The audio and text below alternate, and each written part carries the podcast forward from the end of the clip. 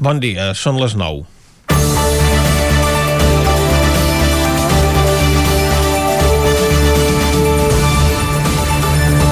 La fi de l'estat d'alarma ha generat alarma social, sobretot en determinats col·lectius en veure la reacció al carrer al cessament del seny de lladre, que se suma també a l'obertura de bars i restaurants fins a les 11 de la nit.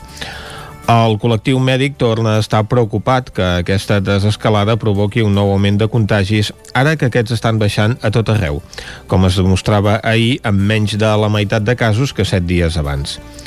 Caldrà esperar que aquestes xifres no s'incrementin en determinats col·lectius com el dels joves, que amb la població més gran immunitzada veu com augmenten el número de casos i alguns d'ells, tot i l'edat, acaben en estat molt greu. Les imatges que es van veure de multitud celebrant la fi de l'estat d'alarma pels carrers got en mà ha generat preocupació. Aquest fenomen que semblava la celebració de la fi de la pandèmia es va donar a les grans ciutats, sobretot a Barcelona, amb multitud d'estrangers que vés a saber d'on havien sortit, emparats amb una certa passivitat per part de la Guàrdia Urbana. Però només cal donar un tomb pels afores als nostres pobles per adonar-se que això de les botellades furtives han estat norma general aquests últims temps i així han quedat de bruts els nostres boscos i descampats que el cessament de l'estat d'alarma s'esdevingui la mitjanit d'un dissabte a un diumenge no sembla la millor idea per evitar imatges com les que hem vist aquests dies. A això s'hi referia el president del Col·legi de Metges, Jaume Pedrós, recordant que la pandèmia no s'ha acabat. La pressió hospitalària continua sent molt alta. El director del Centre de Coordinació d'Alertes i Emergències Sanitàries, Fernando Simón, reconeixia ahir que no li han agradat les imatges que ha vist i ha fet autocrítica no és per menys. S'acabava l'estat d'alarma, però no hi va haver cap compareixença oficial ni del vicepresident del govern en funcions a Catalunya, més preocupat ara mateix per altres coses que res tenen a veure amb la pandèmia, ni del president del govern espanyol apel·lant a la responsabilitat de la població i en què els mitjans li poguessin adreçar preguntes. Fa un any que Pedro Sánchez es dirigia a la població almenys un cop per setmana i ara està desaparegut després de la plantofada que va rebre amb el resultat de les eleccions a Madrid. I aquí és on hi ha l'esca del pecat, després que hi hagi partits que hagin fet bandera d'anar de canyes i de festa pels carrers. I a sobre els ha sortit bé aquesta irresponsabilitat. La gent vol sortir i gaudir, però també volem tenir salut, Pedro Sánchez assegurava davant dels dubtes plantejats pels governs autonòmics que aquests tenen marge de maniobra en el marc de, la llei per decidir les mesures de prevenció que convinguin. Clar que moltes estan en mans de tribunals que decideixen una cosa aquí i una altra allà. També va insistir que falten 100 dies per aconseguir la immunitat de grup. Llàstima que aquell dia al Territori 17 no serem aquí per passar comptes. Comencem. Territori 17 a la sintonia del 9 FM, Ona Corinenca, Ràdio Cardedeu, La Veu de Sant Joan i el 9 TV. Territori 17, amb Vicenç Vigues i Jordi Sunyer. Són les 9 i gairebé 3 minuts i mig del dimarts, dia 11 de maig de 2021. Comença ara mateix un nou Territori 17 que avui, com sempre, durant la primera hora us acostarà tota l'actualitat de les nostres comarques. Després, com que som dimarts, avui tindrem el Buscat la Vida amb la Txela Falgueres, parlarem d'economia amb en Joan Carles Arredondo i acabarem avui parlant de medi ambient amb els companys de l'Agència d'Energia d'Osona. Tot això ho farem des d'ara mateix i, com sempre, fins a les 12 del migdia. I el que toca ara és arrencar tot fent un repàs a l'actualitat de casa nostra, l'actualitat de les comarques del Ripollès, Osona, el Moianès i el Vallès Oriental.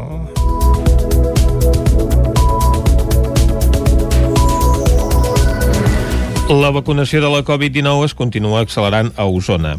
Ahir es va començar a administrar el vaccí a una nova franja d'edat, la de 56 a 59 anys, que se centralitza al recinte firal del Sucre. En aquest espai, fins dijous, es preveu que s'hi punxin unes 3.500 dosis. Ahir al matí va començar la vacunació contra la Covid-19 al recinte firal del Sucre en una nova franja d'edat. La població d'entre 56 i 59 anys que reben el vaccí de Pfizer. Entre el matí i el migdia s'hi van administrar més de 400 dosis de la vacuna. Un cop rebuda la punxada, les persones que hi van acudir s'esperaven entre 10 i 15 minuts per poder controlar possibles efectes immediats. Sentim per aquest ordre a José Julio Beltrán, de 56 anys i veí de Lliçà d'Amunt, i a Dolors Torner, de 58 i veïna de Torelló. Vaig demanar hora per, per la pàgina web i molt bé, vaig agafar aquesta hora que em venia bé, m'he posat la vacuna perquè estic conscienciat de que s'ha de posar. Havíem passat la Covid, tenia anticossos, per l'octubre encara en tenia, però ara ja fa, esclar, 10 mesos, i doncs ara em toca vacunar doncs, cap aquí. D'aquí 21 dies diu que hem de tornar-hi, que ja ens avisaran, però en 21 dies ens han de posar la segona. La tarda d'ahir, dilluns, es va reservar la vacunació del col·lectiu de 60 a 69 anys amb AstraZeneca i la de persones d'entre 56 i 59 anys continuarà avui, demà dimecres i dijous amb 900 dosis diàries de Pfizer al sucre repartides entre el matí, al migdia i la tarda. Serà la setmana amb més activitat al sucre des que el recinte firal es va habilitar com a espai central de vacunació a Osona. Ho detallava Mònica Plans, coordinadora de la unitat de vacunació del recinte firal del sucre. Des de divendres hem notat una, una reserva molt, molt, molt gran, molt ràpida, més que tot, que en poca estona s'acaben. Com que no hi ha molta plantilla d'infermeria a l'atur, el que sí que anem tibant és de professionals que s'apunten a fer jornades complementàries a la unitat i llavors ells, en funció de la seva feina, venen o torn de matí o torn de tarda o torn de migdia.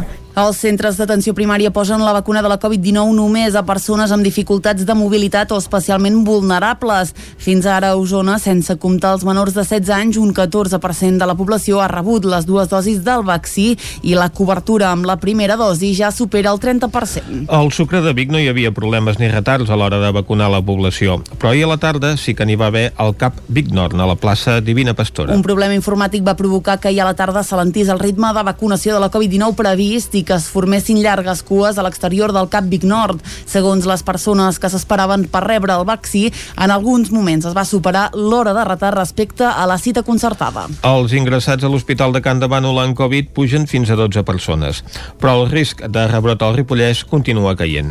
Isaac Muntades, des de la veu de Sant Joan. L'única mala notícia de la situació epidemiològica del Ripollès en relació al coronavirus és que els ingressats a l'Hospital de Can de han augmentat de 10 a 12 persones, de les quals n'hi ha 7 que estan ingressats a l'àrea d'aguts amb la infecció activa i 5 a la de sociosanitari recuperant-se de la malaltia. Des de l'inici de la crisi sanitària, el centre hospitalari ha diagnosticat 895 casos positius de Covid-19, dels 2.576 que s'han detectat a la comarca. A més, des del començament de la pandèmia ja s'han donat 276 altes. La bona notícia segueix sent que el risc de rebrot continua caient en picat i pràcticament ha baixat en uns 200 punts i ja és de 218. La RT o taxa de propagació també ha baixat lleugerament del 0,94 al 0,87 punts, mentre que els casos detectats per PCR o test d'antígens en una setmana han baixat dels 34 fins als 26 amb una taxa de positivitat del 6,6%. Per contra, la vacunació al Ripollès continua avançant a bon ritme i ja hi ha 8.456 persones que han rebut almenys una dosi del vaccí, una xifra que equival a un 33,4% de la població. A més, el 17,6% dels ripollesos ja han rebut la pauta completa de la vacunació, que es correspon a 4.455 persones. Per tant, ja hi hauria un 43,6% d'habitants del Ripollès que s'han contagiat o que han rebut una dosi de la vacuna. Fa pocs dies també es va obrir la convocatòria per començar a vaccinar per ordre de naixement a les persones nascudes entre els anys 1962 i 1971, que rebran un SMS de convocatòria.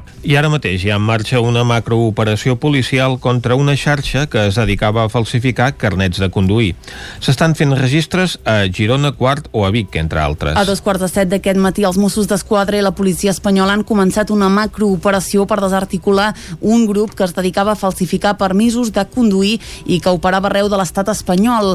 El grup va muntar un entramat per proveir carnets falsos a partir de la base de dades de la Direcció General de Trànsit espanyola. El vincle per fer-ho possible seria un informàtic que treballava per aquest organisme segons fonts pròximes a la investigació. S'haurien falsificat més d'un miler de carnets. Hi ha previstes una quinzena d'entrades i registres per ordre del jutjat d'instrucció número 1 de Girona amb epicentre Sant Feliu de Guíxols. Bona part dels registres s'estan fent a les comarques de Girona o localitats pròximes com ara Vic, on des de primera hora del matí hi ha un ampli desplegament, sobretot de cotxes i furgons de la policia espanyola. La causa està oberta per delictes de suborn i falsificació. Un foc provocat va cremar dissabte una botiga del carrer Manlleu de Vic. L'incendi va tenir lloc poc després de les 7 de la tarda quan un home va entrar a la botiga de roba ok, va calar-hi foc i va fugir. Fins al lloc dels fets s'hi van desplaçar una dotació dels bombers de la Generalitat i una patrulla de la Guàrdia Urbana de Vic, que gràcies a les càmeres de la zona van poder identificar l'atacant. Ara ha enviat l'ordre de recerca i s'espera que es pugui produir la seva detenció en les properes hores. El foc va comportar danys importants a la botiga, ja que a banda de roba cremada també hi va haver trencadisses. Tant els treballadors de l'establiment com els clients que hi havia en aquell moment van poder sortir de seguida i ningú va prendre mal. L'escena va aixecar molta expectació, ja que a aquella hora, a pocs metres, s'hi estava celebrant la mostra d'entitats i músiques de Vic. I parlem precisament de la mostra d'entitats i músiques de Vic. Una quarantena de col·lectius van, particip van participar dissabte a la 17a edició de la mostra. Malgrat el gel hidroalcohòlic als estants i les mascaretes, l'ambient va abocar al públic als temps prepandèmics. Sota un sol de justícia més propi dels mesos d'estiu i amb conceptes com xarxa o diàleg presidint l'espai, dissabte a la tarda una quarantena de col·lectius omplien la ramba del Passeig i del Carme en la 17a edició de la mostra d'entitats i músiques de Vic. Sense oblidar que els mesos de la pandèmia els ha passat factura, el teixit associatiu es retrobava així amb la ciutadania. Sentim a Josep Ramon Soldevila, regidor de Ciutadania i Cooperació de l'Ajuntament de Vic. Sí, és veritat que hem anat detectant que les entitats ho han estat passant malament.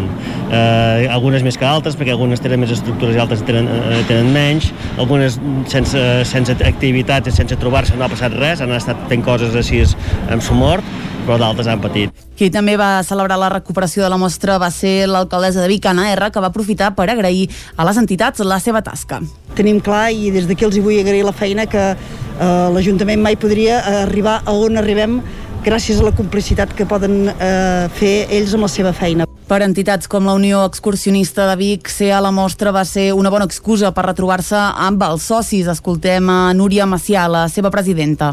Per altres anys, doncs, a vegades això hi ha hagut gent que, que informant-se, no?, quin tipus d'activitats fem, també algunes vegades, no?, per als casals, les activitats que fem a l'estiu, i aquest any, com que tenim un petit regal que va, va sortir del forn, que és un buf corporatiu per tots els socis, doncs avui també molta gent està passant a recollir-lo. A banda dels estants, la mostra també va comptar amb l'espectacle d'un grup de batucada, concerts i un taller d'iniciació al trapezi.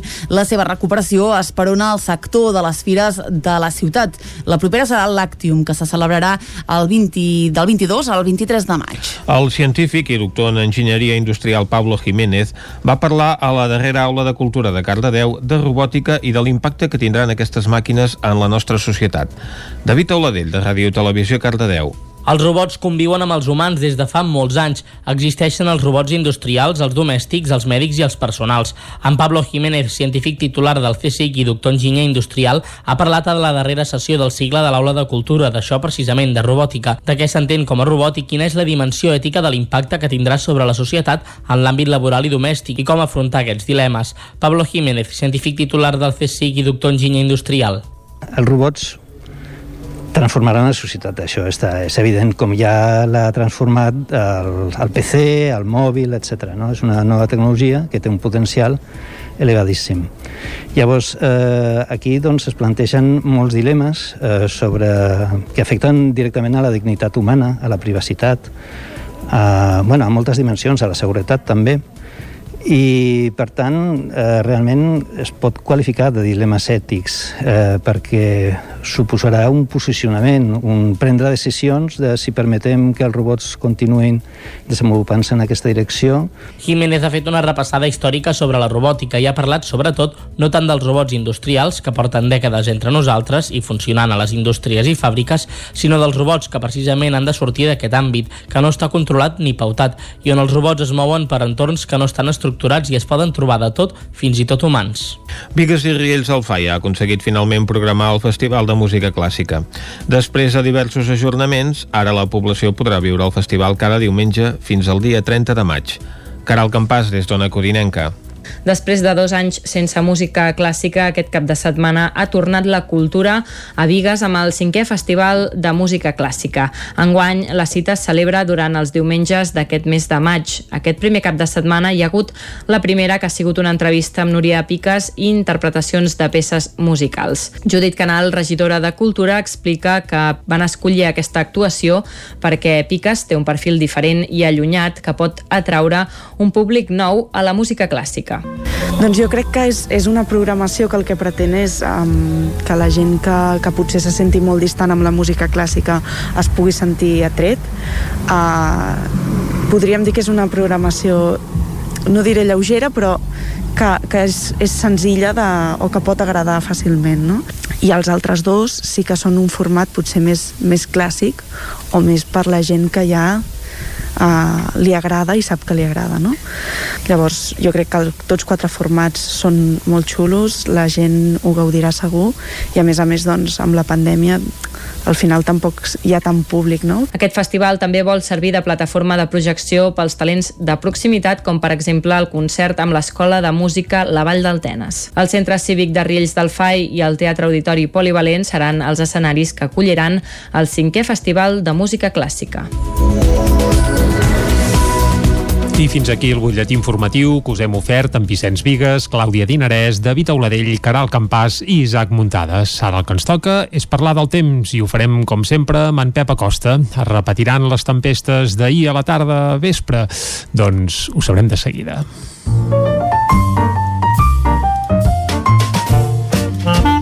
Casa Terradellos us ofereix el temps. Doncs vinga, ja tenim en Pep a l'altra banda del fil telefònic i el saludem ara mateix. Molt bon dia, Pep. Molt bon dia, estimats oients. Bon dia, bon Què dia. tal, Bé. amics col·laboradors del programa? Anar fent, anar fent. Com esteu? Com va aquesta setmana? Ja veieu que pel que fa al temps és una mica més moguda. Uh, no és tan monòtona, no és tan càlida, no fa tant de sol com la setmana passada.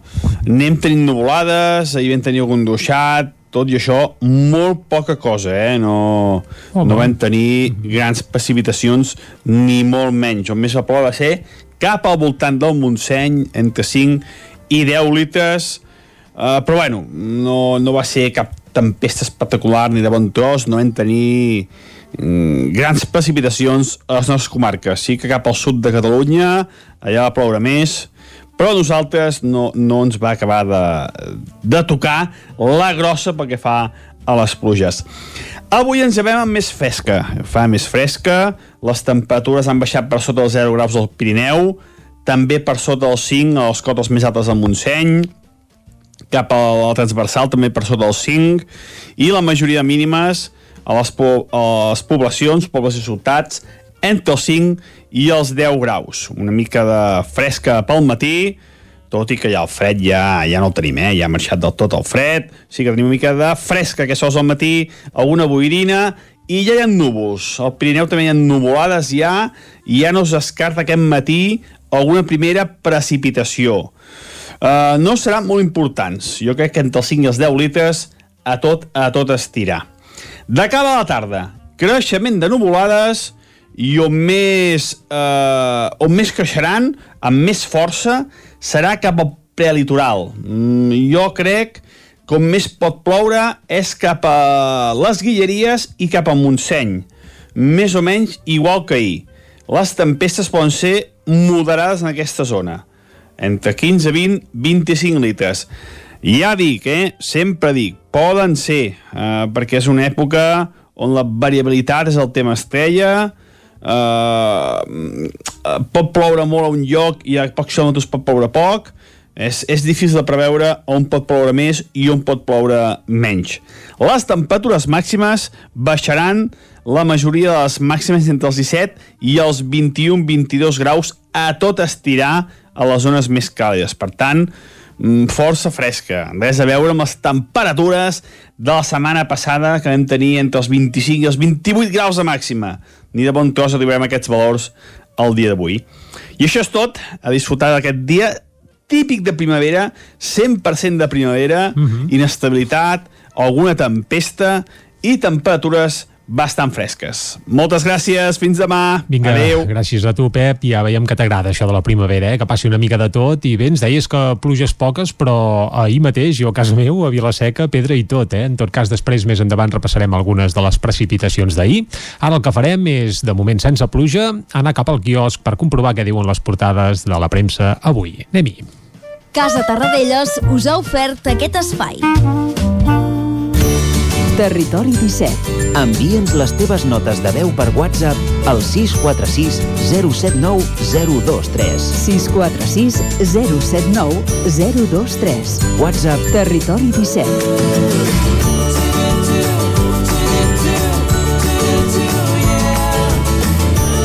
Territori 17. Som a Facebook, Twitter i Instagram amb l'usuari Territori 17.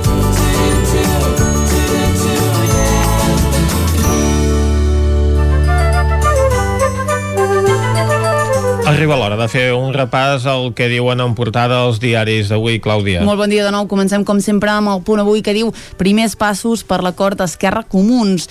Els equips negociadors posen fil a l'agulla i mantenen les primeres reunions. Pere Aragonès ja no vol negociar amb Junts per fer govern, sinó perquè l'investeixin. A la imatge a l'oci nocturn, tip que no els deixin reobrir. Salut diu que aquesta setmana es podria aprovar el pla que ho permetrà. La Caixa de Solidaritat es declara desbordada i pla de salut mental per a escoles i instituts. Un altre titular que veurem en repetides portades, 20 morts a Gaza en un atac d'Israel en resposta als coets de Hamas. Anem al diari ara que diu Esquerra obre negociacions amb els comuns. Aragonès confirma la renúncia a la coalició amb Junts per Catalunya i busca suports per governar en minoria. A la imatge, com veiem, almenys 20 morts en un altre atac aeri d'Israel a Gaza. I Simon, molt decebut amb les multituds nocturnes. Anem al, di al periòdico que diu Esquerra accelera i ja negocia amb els comuns. Les dues formacions busquen un pacte per investir aquesta setmana a Pere Aragonès. El partit del Viac veta que Junts estigui en el govern i voldria tenir consellers. A la imatge matança d'Israel a Gaza en una nova escalada de violència, un atac de l'exèrcit causa 20 morts a la franja, entre ells 9 nens petits més d'un milió d'aturats eh, rebran un subsidi únic de 452 euros i el Madrid intensifica la rebequeria contra la decisió del bar. Anem a l'avantguàrdia que diu l'executiu descarta pujar impostos si la recuperació s'endarrereix. La ministra d'Hisenda assegura que les mesures fiscals només s'aplicaran quan no siguin un llaç per l'economia espanyola. A la imatge, foc creuat a Jerusalem i Gaza i enlairament de l'energia neta està l'enlairament de l'energia neta ara sí està en risc a Catalunya en política. Esquerra cerca un acord express amb els comuns per governar en solitari. Anem eh, cap a Madrid la premsa de Madrid no estarà tan preocupada per aquestes negociacions per formar govern a Catalunya, sinó que parla d'altres temàtiques. déu nhi eh? També veurem el tema de la negociació a Catalunya. Anem al A país veure, a veure que diu diuen. el fi de l'alarma aviva el xoc polític per la pandèmia. Casado culpa a Sánchez de les aglomeracions i diu que costaran vides. A la imatge, almenys 20 morts en el bombardeig israelí de Gaza. A Espanya, diu, aconseguirà la immunitat de grup eh, més o menys a la meitat de, del mes d'agost.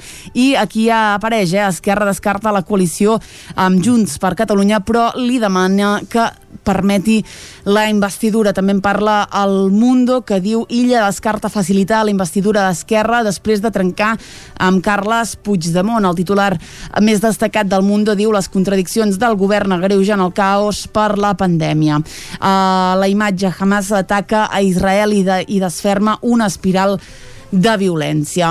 Anem a la Razón, eh, que obre una imatge d'Otegui que diu ja té les claus de les presons, en tornarem a parlar d'aquí un moment, i també parla de l'efecte Ayuso, diu els barons no demanaran estats d'alarma a la carta. El govern sembra el caos al rectificar sobre les reformes legislatives per unificar les restriccions. Els experts alerten ara de que pujaran els contagis després de les festes al carrer. I ara sí, anem a l'ABC que diu Sánchez cedeix als seus socis el control dels presos a Tarres. Les víctimes demanen que la justícia vigili el govern basc perquè no concedeixi beneficis a 44 reclusos d'ETA que ja han sigut traslladats. Avui a l'ABC també parlen de la llei d'universitats. Diu el govern vol eliminar el requisit de ser catedràtic per col·locar a més rectors afins.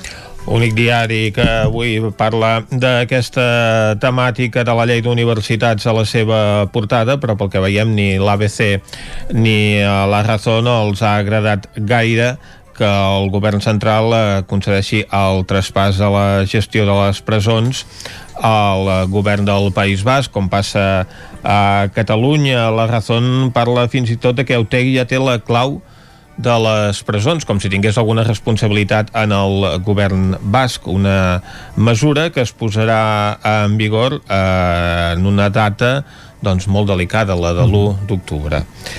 Altres eh, temàtiques que veiem a portada, la fotografia més repetida a tota la premsa d'avui en les seves portades són les d'aquests atacs israelians a Gaza que han provocat almenys una vintena de morts i molts diaris el que eh, trien de fotografia de portada doncs és aquesta família plorant la mort dels seus eh, fills a conseqüència d'aquests atacs, una imatge dramàtica, en podem veure doncs, a la portada del País, del Mundo, també del periòdico, mentre que tant La Vanguardia com l'Ara escullen altres imatges d'aquest atac. Els diaris de Madrid doncs, furguen en les contradiccions al govern i les derivades polítiques de la fi de l'estat d'alarma, amb Pablo Casado doncs, fins i tot acusant a Pedro Sánchez d'aquestes aglomeracions que s'han produït aquests dies, com si no les haguéssim vist setmanes enrere pels carrers de Madrid, on governa precisament el Partit Popular, i si anem a a la premsa catalana. Evidentment està focalitzada en aquestes negociacions que ha obert Esquerra Republicana amb els comuns per garantir-se la investidura de Pere Aragonès com a president de la Generalitat de Catalunya. El Punt Avui i l'Ara són els diaris que hi dediquen més espai a la portada aquesta situació política, tot i que el Punt Avui apareix amb una fotografia principal discordant respecte a la resta de diaris és aquesta protesta del sector de l'oci nocturn a la plaça plaça de Sant Jaume, on hi van anar amb diferents pancartes, entre ells fotografies gegants d'Isabel Díaz Ayuso la seva ídol. Uh, afegim, hem parlat d'aquest macrooperatiu que hi ha actiu a diferents indrets de Catalunya, entre ells Vic, uh, per desarticular una xarxa que es veu que feia carnets de, de conduir falsos, doncs ara mateix a Vic, on s'està centralitzant aquest operatiu és el carrer Sant Antoni, a la zona de l'Eixample Morató, on encara és ben visible la presència de, de policies allí. Ho anirem seguint aquí a Territori 17, ara però ens toca fer una pausa, tornem de seguida. Fins fins ara. La Cakery. Pastissos personalitzats, galetes, cookies, brownies i molt més. Ens trobaràs a Vic, al carrer de Gurb 34 Baixos, al telèfon 93 886 70 51 i també a Instagram i Facebook. Cada joia és un art. Joier J. Garcia, taller propi de joieria i rellotgeria Joies úniques, peces artesanals, dissenys exclusius i personalitzats, rellotges, anells, braçalets i molt més. Joier J. Garcia, ens trobaràs a la Rambla de Vallada 6 i a la carretera de la Guixa 10 de Vic i a Tona, al carrer Barcelona número 17, també a Instagram i a jgarciajoyer.com. Cocodril Club. Si t'agrada la bona música dels anys 60, 70 i 80, escolta el 9 FM els matins de dissabtes i diumenges d'11 a 1. És el temps del Cocodril Club, tot un clàssic de la ràdio, amb les bases del pop-rock, les llegendes, les cançons que s'han convertit en autèntics himnes. Recorda, dissabtes i diumenges al matí, d'11 a 1, al 9 FM 92.8. Cocodril Club, el programa revival de l'Albert Malla. Hasta luego, cocodrilo. Mudances a la carta. Som especialistes en muntatge i desmuntatge de mobles.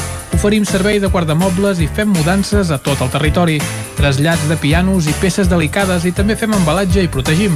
Mudances a la carta. Serveis adaptats a cada client. Ens trobaràs al telèfon 605 04 34 75. Cobertes serveis funeraris. Els nostres tanatoris estan ubicats en els nuclis urbans més poblats de la comarca d'Osona per oferir un millor servei. Tanatori de Vic, Tanatori de Manlleu, Tanatori de Centelles i Tanatori de Roda de Ter. Sabem que són moments difícils i per això el nostre compromís és atendre-us en tot moment amb un tracte humà, sensible i respectuós. Cobertes serveis funeraris. Telèfon 24 hores 93 883 23 46. Can Xalant Moda i Complements. Nova temporada primavera-estiu. Moda home-dona, nen-nena, sabates, bosses de mà, maletes, complements i molt més. Vine a veure, ens trobaràs una secció d'ofertes amb roba de la temporada passada a 10 euros i 19 euros. Vine a Can Xalant, ens trobaràs al carrer Sant Tomàs número 6 de Call d'Atenes. També a Instagram i Facebook. Telepizza Vic. Vine a descobrir les nostres ofertes. Tots els dimarts ens tornem bojos, pizzas mitjanes a un preu irresistible. I tots els dijous, Family Days. Gaudeix tota la setmana del triple de Telepizza per 7 euros amb 25 cèntims cada una si les passes a recollir. Telepizza Vic. Som a la carretera de la Guixa, número 12. El nou FM, el nou FM, el nou FM, el nou FM. Territori 17, amb Vicenç Vigues i Jordi Sunyer. Som dos quarts de deu en punt d'avui dimarts, dia 11 de maig de 2021. Seguim en directe aquí a Territori 17 i us farem companyia encara fins a les 12 del migdia. I ara mateix us servim, us preparem el menú que tenim servit i que us prepararem això fins a les 12 del migdia. De seguida us acostarem de nou tota l'actualitat de les nostres comarques. Després a les 10, un nou butlletí informatiu. Després l'entrevista. Avui conversarem amb Albert Castells, regidor a l'Ajuntament de Vic, però també responsable de, de Xalles del Consell Comarcal d'Osona i amb ell parlarem una mica de la situació a l'abocador d'Uris, entre d'altres aspectes. També parlarem d'economia amb en Joan Carles Arredondo. Avui és dimarts, per tant vol dir que parlarem amb la Txela Falgueres, que ens acostarà al Buscat la Vida, el Descobrint Catalunya. Avui anirem a les Franqueses del Vallès, passarem per la R3 i avui acabarem parlant de medi ambient amb els companys de l'Agència d'Energia d'Osona. Ens visitarà precisament l'Herman Llobet, que és el regidor de Transició Energètica del Consell Comarcal d'Osona, amb qui parlarem sobre el projecte de transició energètica per la comarca. Tot això serà des d'ara mateix i fins a les 12 del migdia. I el que toca ara, com sempre, és acostar-vos de nou tota l'actualitat de les nostres comarques. Ja ho sabeu, les comarques del Ripollès, Osona, el Moianès i el Vallès Oriental.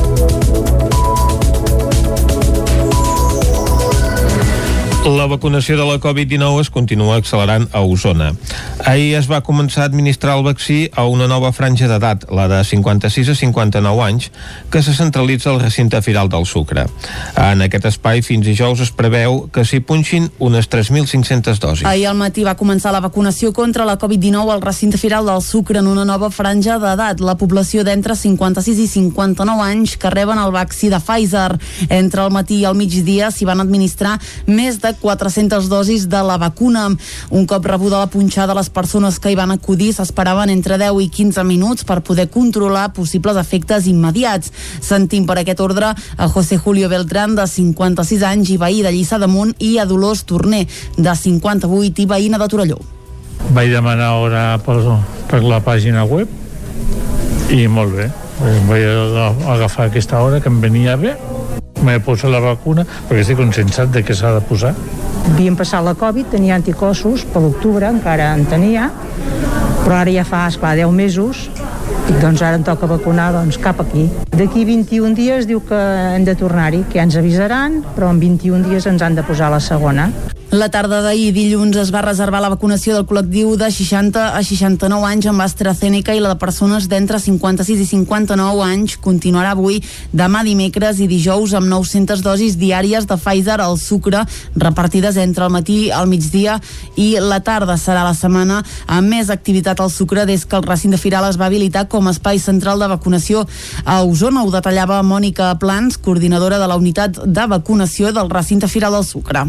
Des de divendres hem notat una, una reserva molt, molt, molt gran, molt ràpida, més que tot, que en poca estona s'acaben. Com que no hi ha molta plantilla d'infermeria a l'atur, el que sí que anem tibant és de professionals que s'apunten a fer jornades complementàries a la unitat i llavors ells, en funció de la seva feina, venen o torn de matí o torn de tarda o torn de migdia. Els centres d'atenció primària posen la vacuna de la Covid-19 només a persones amb dificultats de mobilitat o especialment vulnerables. Fins ara a Osona, sense comptar els menors de 16 anys, un 14% de la població ha rebut les dues dosis del vaccí i la cobertura amb la primera dosi ja supera el 30%. Al Sucre de Vic no hi havia problemes ni retards a l'hora de vacunar la població, però ahir a la tarda sí que n'hi va haver al CAP Vic Nord, a la plaça Divina Pastora. Un problema informàtic va provocar que ahir a la tarda s'alentís el ritme de vacunació de la Covid-19 previst i que es formessin llargues cues a l'exterior del Cap Vic Nord. Segons les persones que s'esperaven per rebre el vaccí, en alguns moments es va superar l'hora de retard respecte a la cita concertada. Els ingressats a l'Hospital de Can de Bànol en Covid pugen fins a 12 persones, però el risc de rebrot al Ripollès continua caient. Isaac Muntades, des de la veu de Sant Joan. L'única mala notícia de la situació epidemiològica del Ripollès en relació al coronavirus és que els ingressats a l'Hospital de Can de Bànol han augmentat de 10 a 12 persones, de les quals n'hi ha 7 que estan ingressats a l'àrea d'aguts amb la infecció activa i 5 a la de sociosanitari recuperant-se de la malaltia. Des de l'inici de la crisi sanitària, el centre hospitalari ha diagnosticat 895 casos positius de Covid-19, dels 2.576 que s'han detectat a la comarca. A més, des del començament de la pandèmia ja s'han donat 276 altes. La bona notícia segueix sent que el risc de rebrot continua caient en picat i pràcticament ha baixat en uns 200 punts i ja és de 218. La RT o taxa de propagació també ha baixat lleugerament del 0,94 al 0,87 punts, mentre que els casos detectats per PCR o test d'antígens en una setmana han baixat dels 34 fins als 26 amb una taxa de positivitat del 6,6%. Per contra, la vacunació al Ripollès continua avançant a bon ritme i ja hi ha 8.456 persones que han rebut almenys una dosi del vaccí, una xifra que equival a un 33,4% de la població. A més, el 17,6% dels ripollesos ja han rebut la pauta completa de la vacunació, que es correspon a 4.455 persones. Per tant, ja hi hauria un 43,6% d'habitants del Ripollès que s'han contagiat o que han rebut una dosi de la vacuna. Fa pocs dies també es va obrir la convocatòria per començar a vaccinar per ordre de naixement a les persones nascudes entre els anys 1962 i 1971, que rebran un SMS de convocatòria. I ara mateix hi ha en marxa una macrooperació policial contra una xarxa que es dedicava a falsificar carnets de conduir. S'estan fent registres a Girona, Quart o a Vic, entre altres. A dos quarts de set d'aquest matí, els Mossos d'Esquadra i la policia espanyola han començat una macrooperació per desarticular un grup que es dedicava a falsificar permisos de conduir i que operava arreu de l'estat espanyol. El grup va muntar un entramat per proveir carnets falsos a partir de la base de dades de la Direcció General de Trànsit espanyola. El vincle per fer-ho possible seria un informàtic que treballava per aquest organisme segons fonts pròximes a la investigació. S'haurien falsificat més d'un miler de carnets. Hi ha previstes una quinzena d'entrades i registres per ordre del jutjat d'instrucció número 1 de Girona amb epicentre Sant Feliu de Guíxols. Bona part dels registres s'estan fent a les comarques de Girona o localitats pròximes com ara Vic, on des de primera hora del matí hi ha un ampli desplegament, sobretot de cotxes i furgons de la policia espanyola. La causa està oberta per delictes de suborn i falsificació. Un foc provocat va cremar dissabte una botiga del carrer Manlleu de Vic. L'incendi va tenir lloc poc després de les 7 de la tarda quan un home va entrar a la botiga de roba OK, va calar-hi foc i va fugir. Fins al lloc dels fets s'hi van desplaçar una dotació dels bombers de la Generalitat i una patrulla de la Guàrdia Urbana de Vic, que gràcies a les càmeres de la zona van poder identificar l'atacant. Ara ha enviat l'ordre de recerca i s'espera que es pugui produir la seva detenció en les properes hores. El foc va comportar danys importants a la botiga, ja que a banda de roba cremada també hi va haver trencadisses. Tant els treballadors de l'establiment com els clients que hi havia en aquell moment van poder sortir de seguida i ningú va prendre mal. L'escena va aixecar molta expectació, ja que a aquella hora, a pocs metres, s'hi estava celebrant la mostra d'entitats i músiques de Vic. I parlem precisament de la mostra d'entitats i músiques de Vic. Una quarantena de col·lectius van, particip van participar dissabte a la 17a edició de la mostra. Malgrat el gel hidroalcohòlic als estants i les mascaretes, l'ambient va abocar al públic als temps prepandèmics. Sota un sol de justícia més propi dels mesos d'estiu i amb conceptes com xarxa o diàleg, presidint l'espai, dissabte a la tarda una quarantena de col·lectius omplien la ramba del Passeig i del Carme en la 17a edició de la mostra d'entitats i músiques de Vic. Sense oblidar que els mesos de la pandèmia els ha passat factura, el teixit associatiu es retrobava així amb la ciutadania. Sentim a Josep Ramon Soldevila, regidor de Ciutadania i Cooperació de l'Ajuntament de Vic. Sí, és veritat que hem anat detectant que les entitats ho han estat passant malament. Eh, algunes més que altres, perquè algunes tenen més estructures i altres tenen, eh, tenen menys. Algunes sense, sense activitats i sense trobar-se no ha passat res, han estat fent coses així amb su mort però d'altres han patit. Qui també va celebrar la recuperació de la mostra va ser l'alcaldessa de Vic, Anna R, que va aprofitar per agrair a les entitats la seva tasca.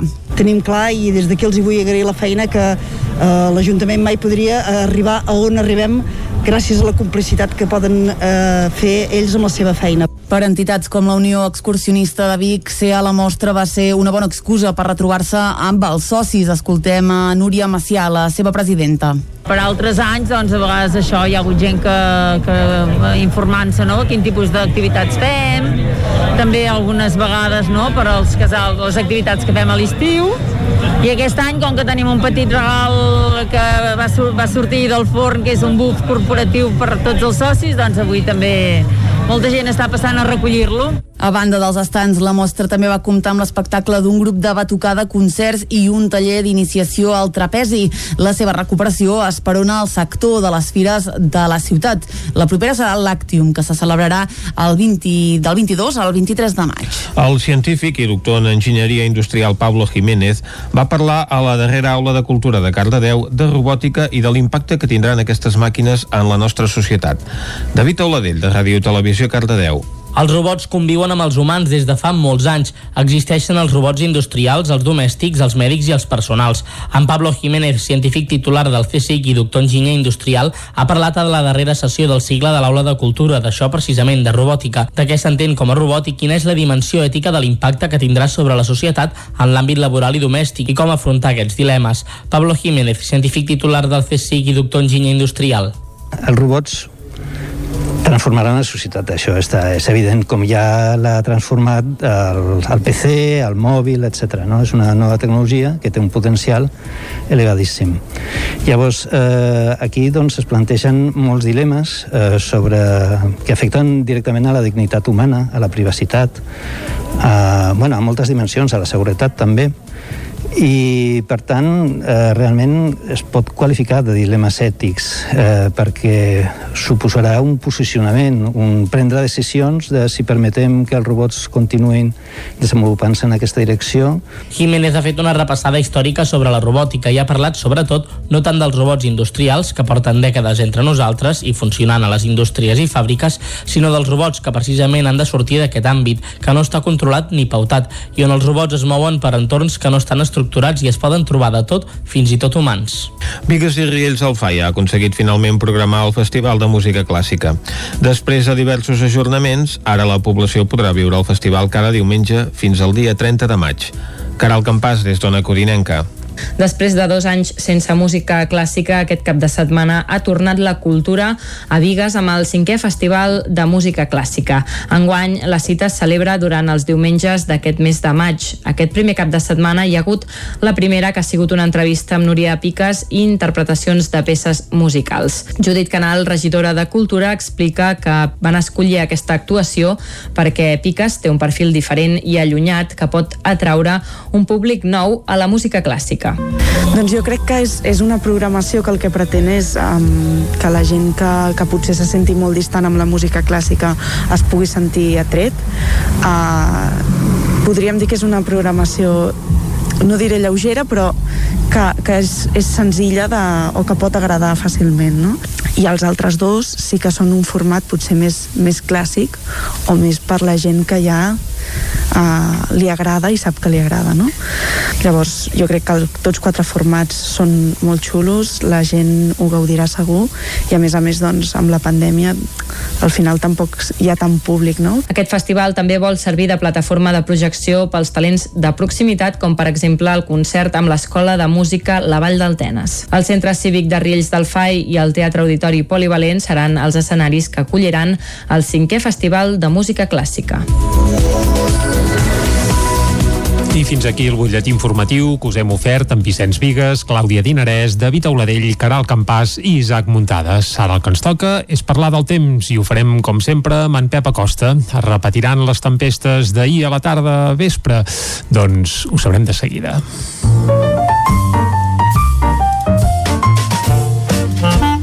Casa Terradellos us ofereix el temps. Doncs vinga, ja tenim en Pep a l'altra banda del fil telefònic i el saludem ara mateix. Molt bon dia, Pep. Molt bon dia, estimats oients. Bon dia, bon Què dia. tal, Bé. amics col·laboradors del programa? Anar fent, anar fent. Com esteu? Com va aquesta setmana? Ja veieu que pel que fa el temps és una mica més moguda. Uh, no és tan monòtona, no és tan càlida, no fa tant de sol com la setmana passada. Anem tenint nuvolades, ahir vam tenir algun duixat, tot i això, molt poca cosa, eh? No, no vam tenir grans precipitacions, ni molt menys. On més va ploure va ser cap al voltant del Montseny, entre 5 i 10 litres, Uh, però bueno, no, no va ser cap tempesta espectacular ni de bon tros, no vam tenir mm, grans precipitacions a les nostres comarques. Sí que cap al sud de Catalunya, allà va ploure més, però a nosaltres no, no ens va acabar de, de tocar la grossa pel que fa a les pluges. Avui ens llevem amb més fresca, fa més fresca, les temperatures han baixat per sota dels 0 graus del Pirineu, també per sota dels 5 a les cotes més altes del Montseny, cap a la transversal també per sota dels 5 i la majoria de mínimes a les, po a les poblacions, pobles i ciutats entre els 5 i els 10 graus una mica de fresca pel matí tot i que ja el fred ja, ja no el tenim, eh? ja ha marxat del tot el fred sí que tenim una mica de fresca que sols al matí, alguna boirina i ja hi ha núvols, al Pirineu també hi ha nuvolades ja, i ja no es descarta aquest matí alguna primera precipitació. Uh, no seran molt importants. Jo crec que entre els 5 i els 10 litres a tot, a tot estirar. De cara a la tarda, creixement de nuvolades i on més, eh, on més creixeran, amb més força, serà cap al prelitoral. Mm, jo crec on més pot ploure és cap a les Guilleries i cap a Montseny. Més o menys igual que ahir. Les tempestes poden ser moderades en aquesta zona entre 15, 20, 25 litres. Ja dic, eh? sempre dic, poden ser, eh, perquè és una època on la variabilitat és el tema estrella, eh, pot ploure molt a un lloc i a pocs quilòmetres pot ploure poc, és, és difícil de preveure on pot ploure més i on pot ploure menys.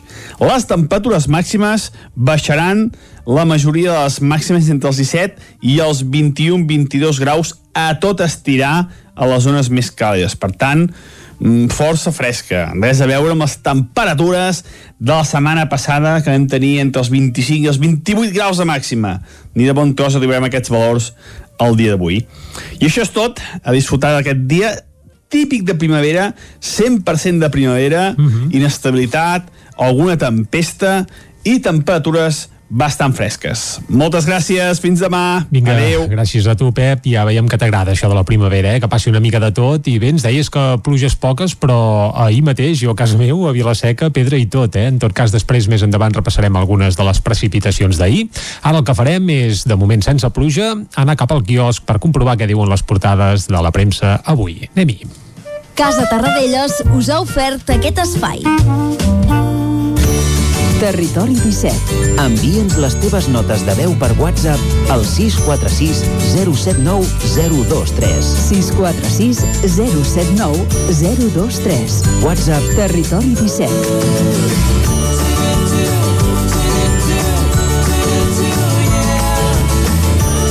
Territori 17. Som a Facebook, Twitter i Instagram amb l'usuari Territori 17.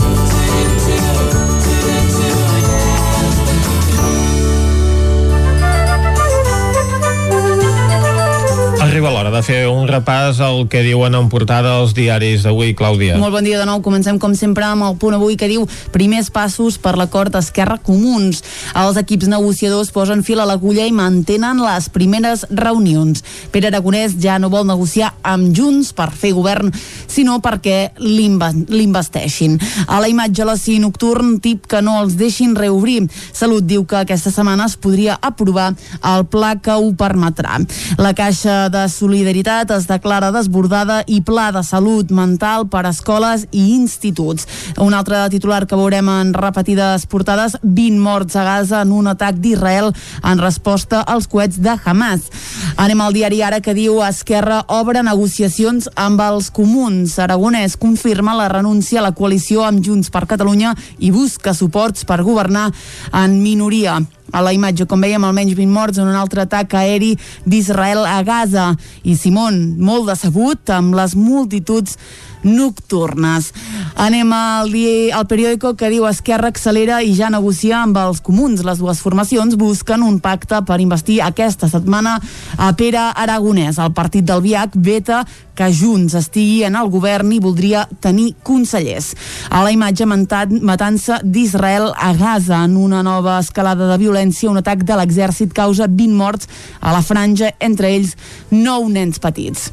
Més d'un milió d'aturats eh, rebran un subsidi únic de 452 euros i el Madrid intensifica la rebequeria contra la decisió del bar. Anem a l'avantguàrdia que diu l'executiu descarta pujar impostos si la recuperació s'endarrereix. La ministra d'Hisenda assegura que les mesures fiscals només s'aplicaran quan no siguin un llaç per l'economia espanyola. A la imatge, foc creuat a Jerusalem i Gaza i enlairament de l'energia neta està l'enlairament de l'energia neta ara sí està en risc a Catalunya en política. Esquerra cerca un acord express amb els comuns per governar en solitari. Anem eh, cap a Madrid. La premsa de Madrid no estarà tan preocupada per aquestes negociacions per formar govern a Catalunya, sinó que parla d'altres temàtiques. déu nhi eh? També veurem el tema de la negociació a Catalunya. Anem al A país veure, a veure que diu diuen. el fi de l'alarma aviva el xoc polític per la pandèmia. Casado culpa a Sánchez de les aglomeracions i diu que costaran vides. A la imatge, almenys 20 morts en el bombardeig israelí de Gaza. A Espanya, diu, aconseguirà la immunitat de grup eh, més o menys a la meitat de, del mes d'agost i aquí ja apareix, eh, Esquerra descarta la coalició amb Junts per Catalunya però li demana que permeti la investidura. També en parla el Mundo, que diu Illa descarta facilitar la investidura d'Esquerra després de trencar amb Carles Puigdemont. El titular més destacat del Mundo diu les contradiccions del govern agreugen el caos per la pandèmia. Uh, la imatge Hamas ataca a Israel i, de, i desferma una espiral de violència. Anem a la Razón, eh, que obre una imatge d'Otegui que diu ja té les claus de les presons, en tornarem a parlar d'aquí un moment, i també parla de l'efecte Ayuso, diu els barons no demanaran estats d'alarma a la carta. El govern sembra el caos al rectificar sobre les reformes legislatives per unificar les restriccions. Els experts alerten ara de que pujaran els contagis després de les festes al carrer. I ara sí, anem a l'ABC que diu Sánchez cedeix als seus socis el control dels presos a Tarres. Les víctimes demanen que la justícia vigili el govern basc perquè no concedeixi beneficis a 44 reclusos d'ETA que ja han sigut traslladats. Avui a l'ABC també parlen de la llei d'universitats. Diu el govern vol eliminar el requisit de ser catedràtic per col·locar a més rectors afins. Únic diari que avui parla d'aquesta temàtica de la llei d'universitats a la seva portada, però pel que veiem ni l'ABC ni eh, la Razón no els ha agradat gaire que el govern central eh, concedeixi el traspàs de la gestió de les presons al eh, govern del País Basc, com passa a Catalunya. La Razón parla fins i tot de que Otegi ja té la clau de les presons, com si tingués alguna responsabilitat en el govern basc, una mesura que es posarà en vigor eh, en una data doncs molt delicada, la de l'1 d'octubre. Altres eh, temàtiques que veiem a portada, la fotografia més repetida a tota la premsa d'avui en les seves portades són les d'aquests atacs israelians a Gaza que han provocat almenys una vintena de morts i molts diaris el que eh, trien de fotografia de portada doncs és aquesta família plorant la mort dels seus eh, fills a conseqüència d'aquests atacs, una imatge dramàtica, en podem veure doncs, a la portada del País, del Mundo, també del periòdico, mentre que tant La Vanguardia com l'Ara escullen altres imatges d'aquest atac. Els diaris de Madrid doncs, furguen en les contradiccions al govern i les derivades polítiques de la fi de l'estat d'alarma, amb Pablo Casado doncs, fins i tot acusant a Pedro Sánchez d'aquestes aglomeracions que s'han produït aquests dies, com si no les haguéssim vist setmanes enrere pels carrers de Madrid on governa precisament el Partit Popular. I si anem a la premsa catalana evidentment eh, està focalitzada en aquestes negociacions que ha obert Esquerra Republicana amb els comuns per garantir-se la investidura de Pere Aragonès com a president de la Generalitat de Catalunya. El punt avui i l'ara són els diaris que hi dediquen més espai a la portada aquesta situació política, tot i que el punt avui apareix amb una fotografia principal discordant respecte a la resta de diaris és aquesta protesta del sector de l'oci nocturn a la plaça de Sant Jaume on hi van anar amb diferents pancartes entre ells fotografies gegants d'Isabel Díaz Ayuso.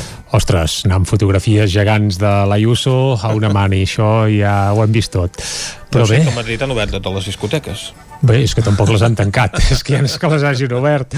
Uh, bé, fins i tot recordo, suposo que ho tens present, eh, el Nacho Cano, que fa uh -huh. unes setmanes va rebre una distinció per part del Exacte. govern de la Comunitat de Madrid i ell mateix es va encarregar de, bé, del premi que li acabaven de lliurar, que era una espècie de banda allò així d'omís, una cosa una mica patxenguera, doncs la va acabar entaforant a la Díaz Ayuso dient-li tu sí que ets la salvadora de la cultura i de les arts escèniques en general, eh, mereixes aquest premi i després encara hi va afegir diu, gran part dels meus tècnics i del meu equip són catalans i encara va dir, i independentistes Imagina't tu. i et votarien Ara, pla. Uh, clar, aquesta darrera part uh, els mitjans, vaja, la majoria se la van saltar, però en algun sí que va aparèixer i així va acabar uh, el discurs del Nancho Cano, tu. Doncs ara ja sabem per què va guanyar les eleccions eh, d'aquesta manera tan còmoda. Exacte, deu, deu anar per aquí, deu anar per aquí els trets.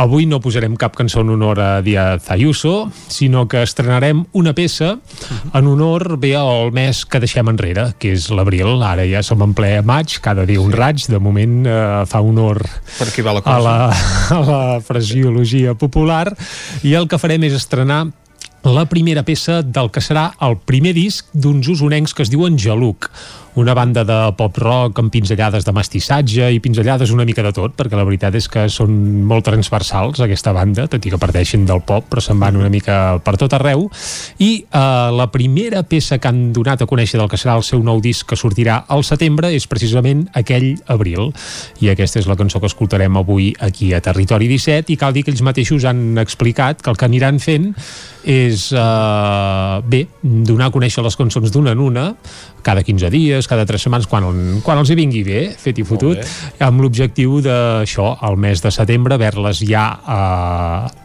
estrenat totes, eh, una dotzena de cançons, i després, evidentment, doncs, presentar-les conjuntament amb un disc, allò que, que es fa ara, és a dir, no es treu un disc i patim patam, sinó que quan surt el disc, les cançons ja pràcticament, qui vulgui, les haurà conegut i escoltat tothom. Doncs eh, això. Escoltem-la nosaltres també. Exacte, recordant que Jaluc és una banda bàsicament de Vic, però amb músics d'arreu de la comarca, fins i tot en té un parell de Vinyó, per tant és una banda territori 17 total, eh, transversal, correcte, correcte. Doncs va, escoltem eh, aquell abril dels usonencs Jaluc, una de les primeres peces que hi haurà en el seu nou disc, que recordem-ho, eh, es publicarà al setembre. Amb Jaluc arribem fins al punt de les 10 aquí a Territori 17. Jo perduts per Barna entre la gent el sol i aquells ocells l'olor de rosa, les parades i l'ambient i aquell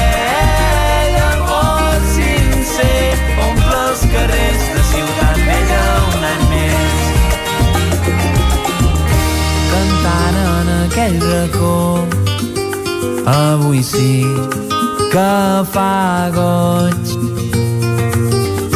Puc tocar aquella cançó que he inventat jo per tots.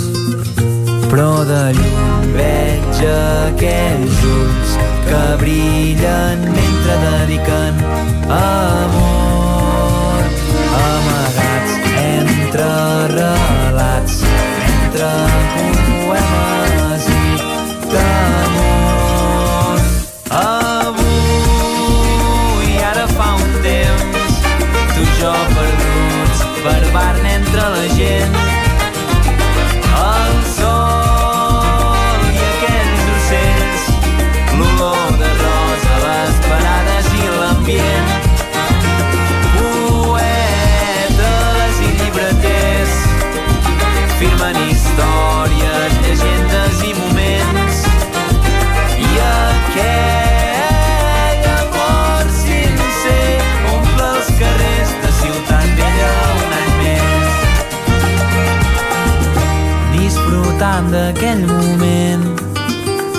tan feliç, tan present.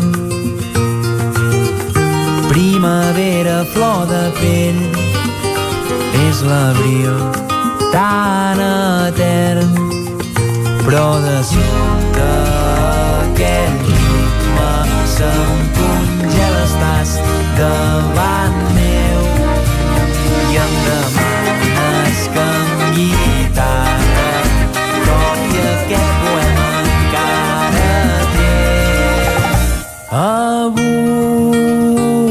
Fa un temps, tu i jo perduts per Barna entre la gent. El sol i aquells ocells, l'olor de rosa, les parades i l'ambient.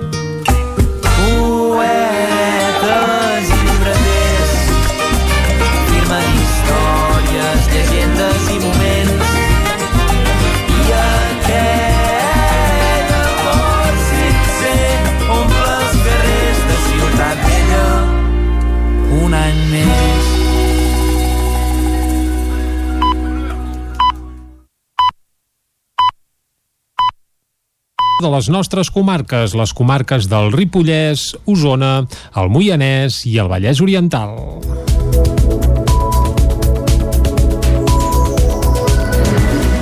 Avui dimarts entra en vigor la nova normativa impulsada per la Direcció General de Trànsit que obliga a anar a 30 km per hora a la majoria de carrers dels pobles i ciutats. Les noves directrius en aquest àmbit són clares i impliquen una reducció del límit de velocitat en funció de la via urbana en què es transiti.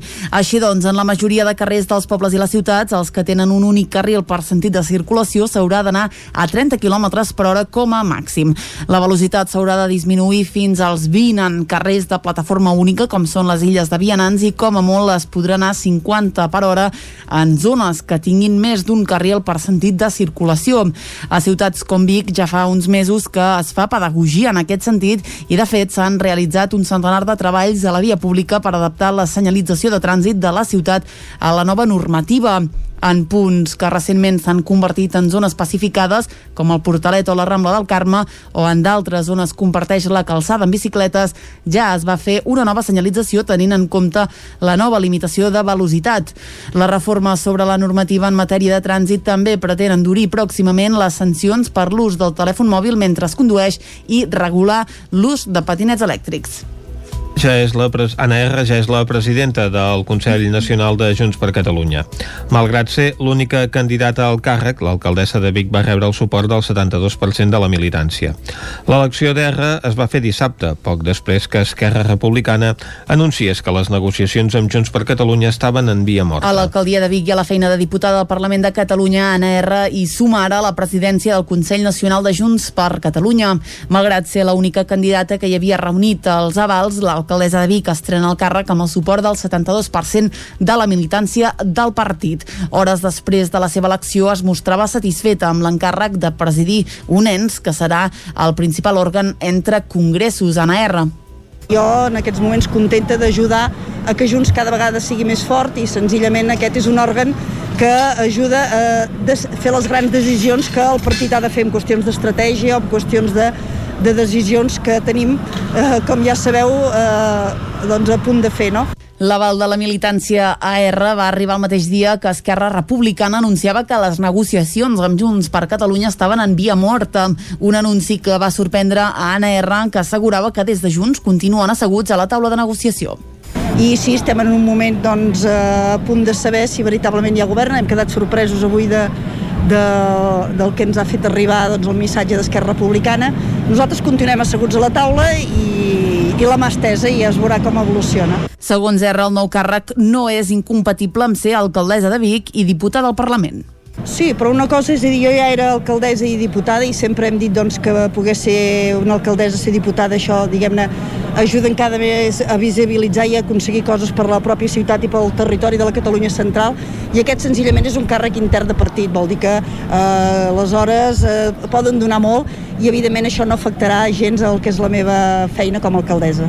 Està previst que el primer Consell Nacional de Junts per Catalunya se celebri al mes de juny.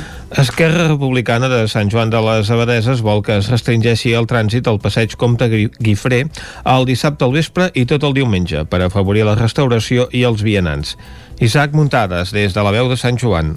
El grup municipal d'Esquerra Republicana de Catalunya de Sant Joan de les Abadeses va proposar que restringís la circulació al passeig Comte Guifré del centre del poble per convertir-lo en un espai de vianants els dissabtes a les 8 del vespre i tots els diumenges. Aquesta mesura prové del decàleg de 25 propostes que van plantejar els republicans durant el mes de maig de l'any passat per tal d'intentar reconduir l'economia municipal després de l'impacte de la pandèmia de la Covid-19. Els republicans creien que la mesura permetria que els vianants i les famílies tinguessin més espai per passejar de manera confortable pel passeig i que els bars i restaurants el tindrien per les terrasses i més en un moment en què l'estat d'alarma ja ha decaigut i es preveu que els pròxims mesos augmenti el turisme interior. Pel porteu republicà, Sergi Albric, aquesta proposta s'havia de fer compatible amb el comerç i amb què els veïns poguessin accedir a la Vila Vella per determinats punts del passeig. Llavors, l'equip de govern ho va desestimar i ell va assegurar que no s'havia aplicat encara que fos positiu per la població perquè la proposta la feia Esquerra. L'alcalde de Sant Joaní, Ramon Roquer, va apuntar que des de fa tres mesos estan treballant en un pla de mobilitat que ja contempla algunes d'aquestes mesures i que els republicans han esperat fins ara per fer-ne bandera quan des de l'Ajuntament ja s'hi treballa. Roquer Roquer va explicar alguns dels punts que havia de contenir aquest pla. Caldrà anar actuant a diferents espais públics precisament per millorar l'espai públic per les persones. Doncs des de reduir barreres arquitectòniques fins a aconseguir que les voreres tinguin una amplada més adequada perquè hi puguin passejar la gent. És a dir, la nostra proposta va més enllà d'una simple idea d'un dia. La nostra proposta passa per redactar un bon projecte urbanístic de pla de mobilitat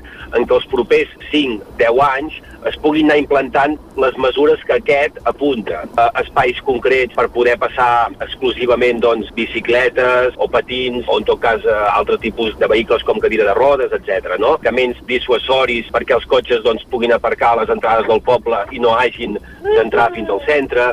Esquerra celebrava que l'Ajuntament estigués treballant en aquest pla, però va apuntar que anava tard. Per exemple, són les barreres arquitectòniques, no? que és un tema que com a grup hem anat defensant moltes vegades, que Sant Joan té moltes barreres arquitectòniques. D'extrem a extrem del municipi doncs, hi ha molts espais on les persones amb mobilitat reduïda, els cotxets ens tenen dificultats per avançar, i de fet Sant Joan fa més de dos anys que el seu pressupost no incorpora doncs, millores de les barreres arquitectòniques. Per tant, si aquest pla s'està tirant endavant, és una bona notícia que, evidentment, eh, ve tard, millor tard que no mai, però Sant Joan fa molt temps doncs, que en quant a barreres arquitectòniques, en quant a eliminació d'obstacles doncs, per a les persones amb mobilitat reduïda, doncs fa temps que no està fent la feina i per tant és important doncs, que s'entomi aquesta responsabilitat perquè qualsevol barrera arquitectònica per persones amb mobilitat reduïda doncs, és uh, una dificultat molt important que hem d'intentar doncs, reduir. I per exemple espais com tot l'àmbit de la Coromina del Bac, la plaça Clavé, són espais on hi ha moltes barreres arquitectòniques. Tornant al passeig Comte Guifré, Roquer va apuntar que si allà es prohibeix el pas de la circulació uns dies en concret, tampoc s'hi podrà aparcar i aquests aparcaments que es perden s'hauran de tenir en un altre lloc de la vila. Continua en marxa una macrooperació policial contra una xarxa que es dedicava a falsificar carnets de conduir. S'estan fent registres a Girona, a Quart o al carrer Sant Antoni de Vic, entre d'altres. A dos quarts de set d'aquest matí els Mossos d'Esquadra i la policia espanyola han començat una macrooperació per desarticular un grup que es dedicava a falsificar permisos de conduir que operava arreu de l'estat espanyol. El grup va muntar un entramat per proveir carnets falsos a partir de la base de dades de la Direcció General de Trànsit Espanyola. El vincle per fer-ho possible seria un informàtic que treballava per aquest organisme segons fonts pròximes a la investigació. S'haurien falsificat més d'un miler de carnets. Hi ha previstes una quinzena d'entrades i registres per ordre del jutjat d'instrucció número 1 de Girona amb epicentre Sant Feliu de Guíxols. Bona part dels registres s'estan fent a les comarques de Girona o localitats pròximes com ara Vic, on des de primera hora del matí hi ha un ampli desplegament sobretot de cotxes i furgons de la policia espanyola. La causa està oberta per delictes de suborn i de falsificació. Caldes de Montbui celebra el Dia Internacional de l'Horticultura amb visites guiades als horts domèstics municipals de la Torre Marimón. Caral Campàs, des d'Ona Codinenca. L'Associació d'Usuaris dels Horts Domèstics de la Torre Marimón i l'Ajuntament de Caldes organitzen visites guiades a aquests horts aquest proper diumenge 16 de maig entre les 10 del matí i dos quarts d'una del migdia a propòsit del Dia Internacional de l'Horticultura que s'escau el dilluns 17. Els mateixos responsables dels horts explicaran als visitants com treballen la terra i tenen cura de les plantes i després de la visita qui vulgui podrà posar en pràctica els seus coneixements d'horticultura plantant un planter en una de les parcel·les. També s'oferirà la possibilitat d'endur-se a casa un test amb un planter. L'objectiu de l'activitat és donar a conèixer als horts municipals, explicar la dedicació que implica tenir-ne cura i acostar la ciutadania al sector primari.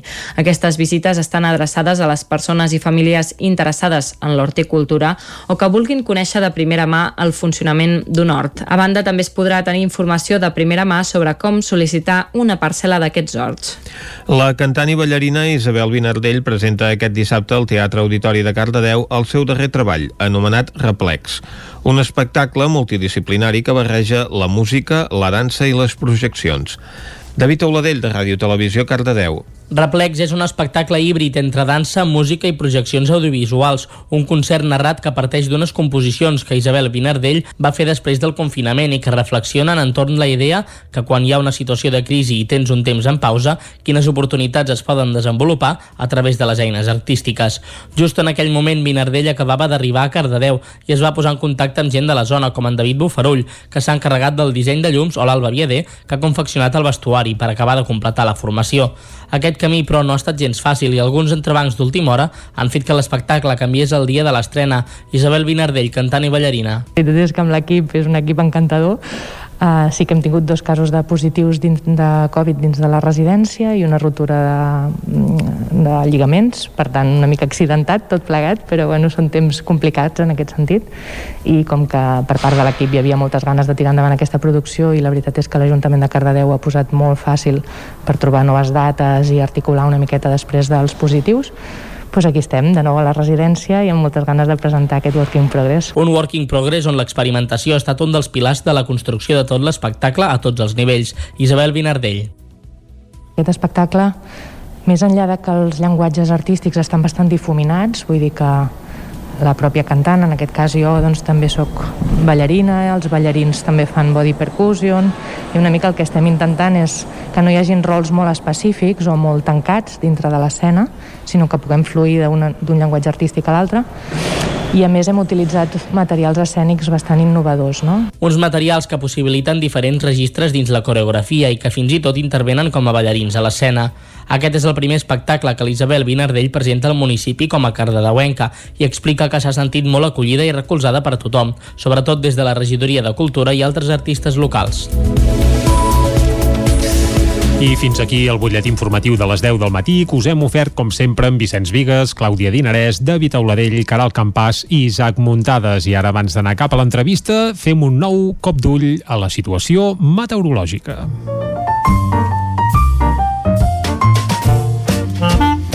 Casa Terradellos us ofereix el temps. I per parlar del temps saludarem de nou en Pep Acosta, que ens explicarà si aquesta tarda tornarà a ser passada per aigua o no. Bon dia, Pep. Molt bon dia, estimats oients. Avui ens llevem amb més fresca. Fa més fresca, uh -huh. les temperatures han baixat per sota dels 0 graus al Pirineu, també per sota dels 5 a les cotes més altes del Montseny, uh -huh.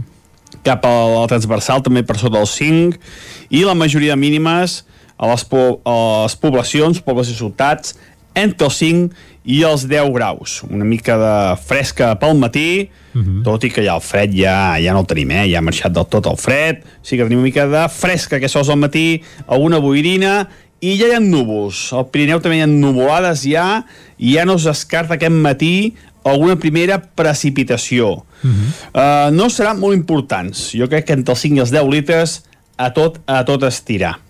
De cara a la tarda, A la creixement tarda, de nuvolades Uh -huh. i on més, eh, on més creixeran, amb més força, serà cap al prelitoral. Mm, jo crec que on més pot ploure és cap a les Guilleries i cap a Montseny. Més o menys igual que ahir. Les tempestes poden ser moderades en aquesta zona. Entre 15, 20, 25 litres. Ja dic, eh? Sempre dic, poden ser, eh, perquè és una època Sí, sí. on la variabilitat és el tema estrella, I aquí plou i allà no. Sí, sí. eh, pot ploure molt a un lloc i a pocs quilòmetres pot ploure poc és, és difícil de preveure on pot ploure més i on pot ploure menys les temperatures màximes baixaran la majoria de les màximes entre els 17 i els 21-22 graus a tot estirar a les zones més càlides per tant mm, força fresca. Res a veure amb les temperatures de la setmana passada que vam tenir entre els 25 i els 28 graus de màxima. Ni de bon tros arribarem a aquests valors el dia d'avui. I això és tot, a disfrutar d'aquest dia típic de primavera, 100% de primavera, inestabilitat, alguna tempesta i temperatures bastant fresques. Moltes gràcies, fins demà. Vinga, Adéu. Gràcies a tu, Pep. Uh, Vicenç, ja ho veus, eh? Aquesta tarda segurament tornarem a tenir ruixats. Uh, a primera hora ens deia que no n'hi havia hagut gaires al territori 17, però déu nhi i jo era a la Vall dels Gès a la tarda vespre i un bon patac d'aigua va caure i fins i tot amb pedra. Petita, oh. això sí, eh? Efectivament, perquè la Vall del Gès va ser el punt on més va ploure i va caure doncs, una xifra respectable mm. d'aigua i de pedra, com dius eh, tu, amb 20 litres a la capital, a Torelló, Mm -hmm. a Sant Vicenç de Torelló van ser 17 litres, 16 a Sant Pere de Torelló, a Bellmunt hi van caure 10 litres, igual que a Vidrà o al Puigdesolles, molt a prop a la Gleva en van caure 13 i que aquestes pluges doncs, són fenòmens localitzats ho certifica també els 15 litres que van caure a Santa Eulàlia de Riu Primer, mentre que al municipi del costat, a Muntanyola, només en caia un i mig. És el que té la primavera, ah, ja ens ho diu en Pep, uh, pot caure un gran xàfec a Sant Pere i a Sant Pau, que és al costat, doncs quatre gotes i prou. Tanquem aquí el bloc meteorològic i de seguida saludem l'Albert Castells. Anem-hi. Casa Tarradellas us ha ofert aquest espai.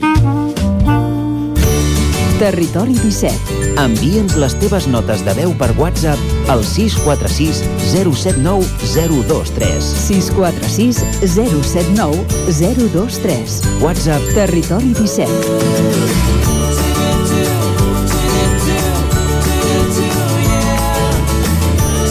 Territori 17. Som a Facebook, Twitter i Instagram amb l'usuari Territori 17.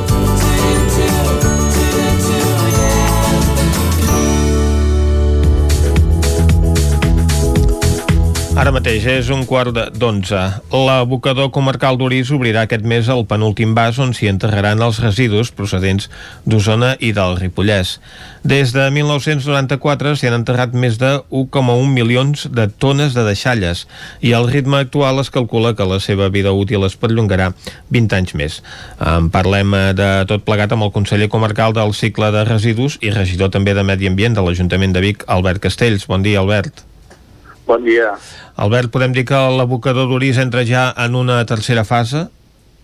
Sí, sí, l'abocador d'Urit aquest mes de, de maig doncs, comença a excavar un nou vas, que és la fase 3.2, com bé dèieu, i que és la penúltima, la penúltima excavació que, que està projectada fins al final de la seva vida útil, que es preveu, eh, doncs, si, si els valors són els actuals, doncs, per aquests eh, 10 més 10, per tant, aquests 20 anys més de, de vida útil, que ens portarà al 2040 amb, amb el límit de la seva capacitat.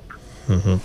Vol dir que a partir de llavors haurem de buscar solucions per eh, com tractar els residus de la comarca, perquè la clau en definitiva està en reduir-ne el volum.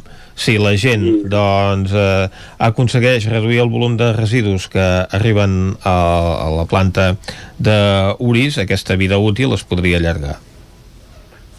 Evidentment les solucions les hem de buscar molt abans, estem en una fase, de, en una emergència climàtica, en una urgència mundial d'una transformació de l'economia.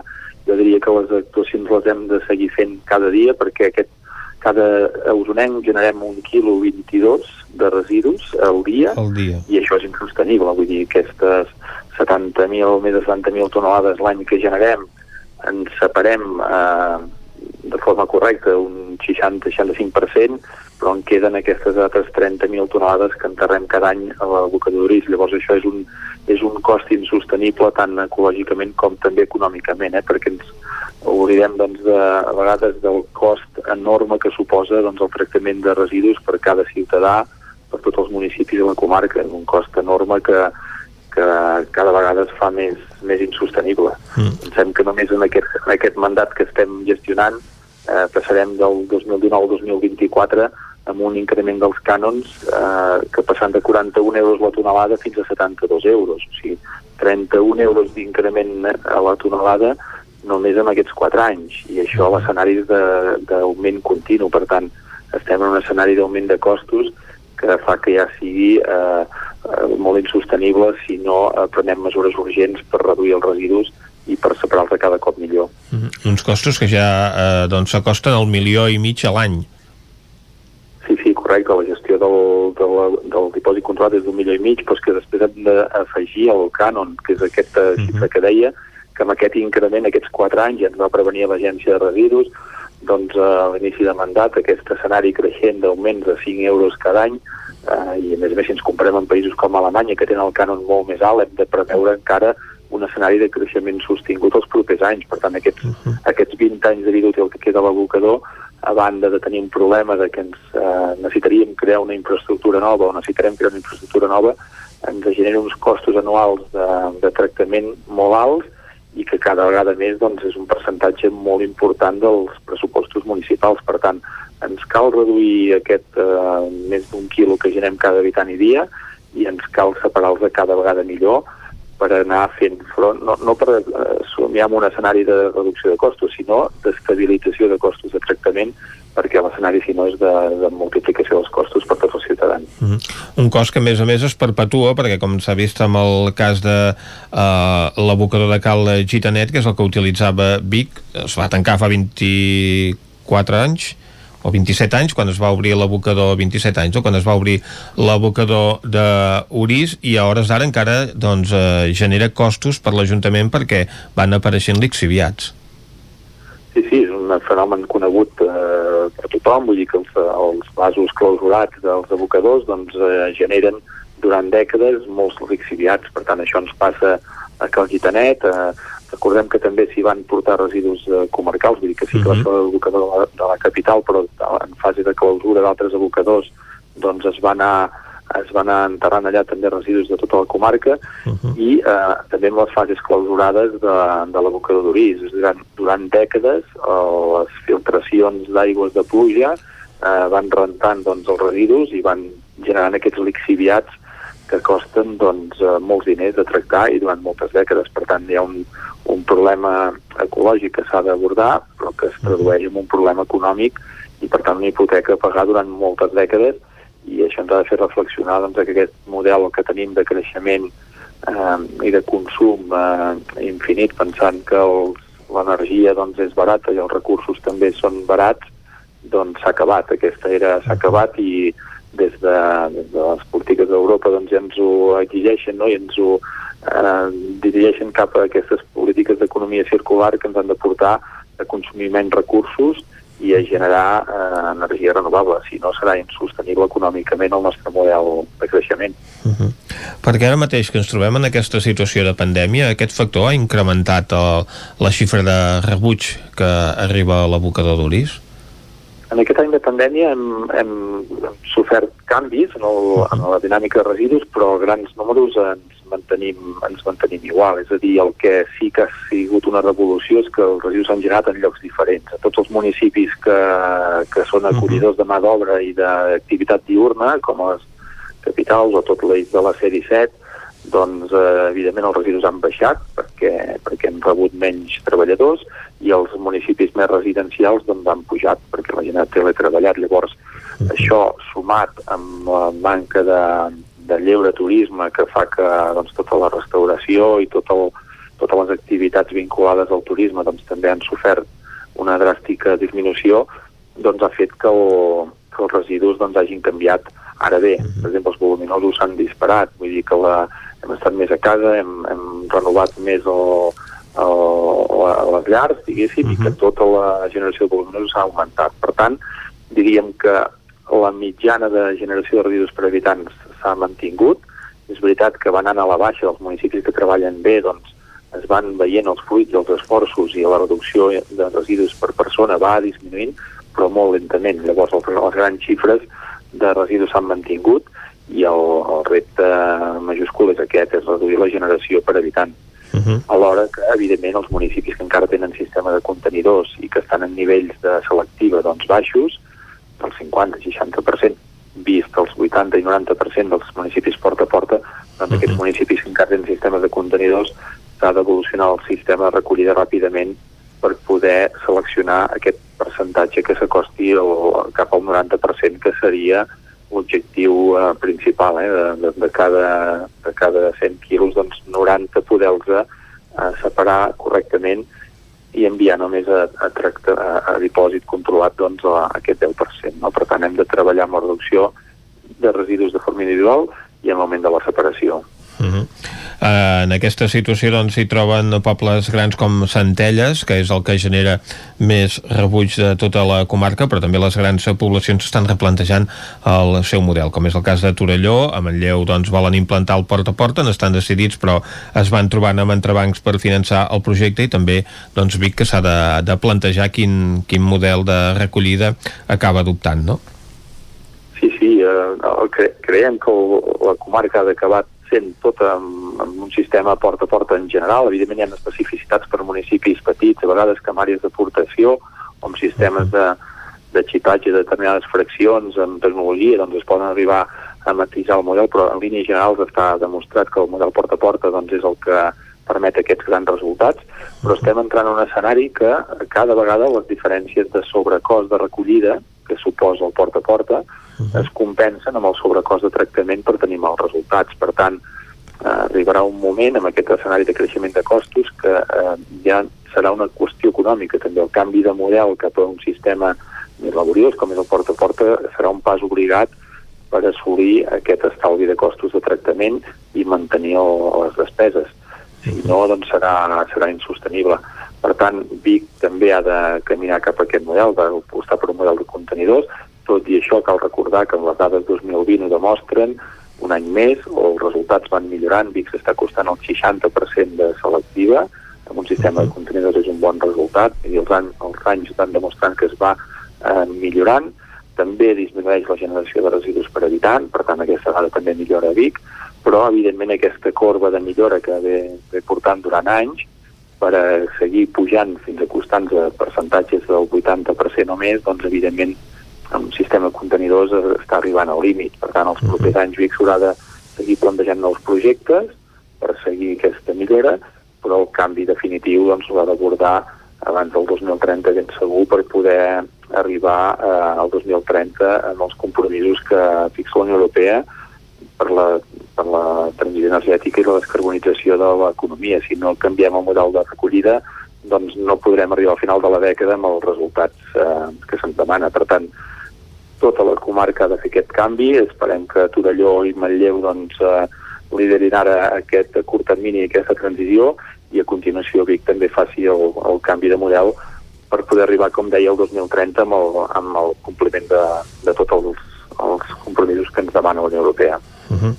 Doncs esperem, Albert, que es compleixin tots aquests eh, compromisos que ja planificats a mitjà termini per reduir aquest eh, cicle de, de xatlles i ser tots plegats més eh, conscients de l'impacte ambiental que generem i que això doncs, pugui anar desapareixent en la mesura del possible. Moltes gràcies per acompanyar-nos. Moltes gràcies a vosaltres. Avui hem tingut amb nosaltres el eh, conseller comarcal de cicle de residus i regidor de Medi Ambient de l'Ajuntament de Vic, Albert Castells. Ara nosaltres fem una pausa i tornem eh, tot seguit amb més actualitat al Territori 17. Exacte, tornem a dos quarts en punt amb piulades. Després, taula redacció i després buscar la vida amb la Xela Falgueres. No marxeu, fins ara. El nou FM, el nou FM. Cada joia és un art. Joier J. Garcia, taller propi de joieria i rellotgeria. Joies úniques, peces artesanals, dissenys exclusius i personalitzats.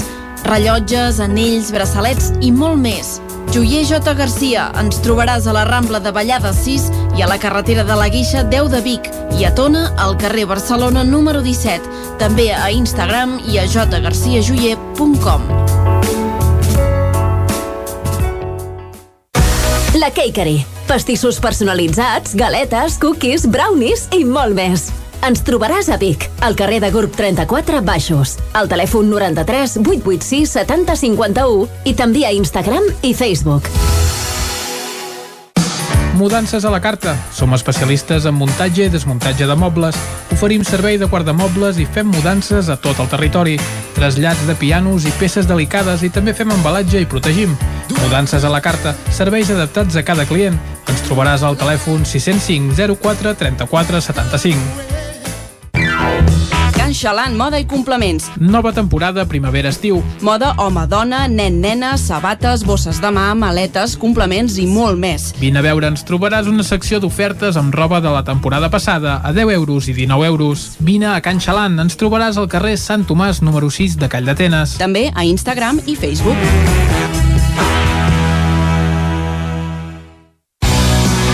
Telepizza Vic, vine a descobrir les nostres ofertes. Tots els dimarts ens tornem bojos, pizzas mitjanes a un preu irresistible i tots els dijous, Family Days.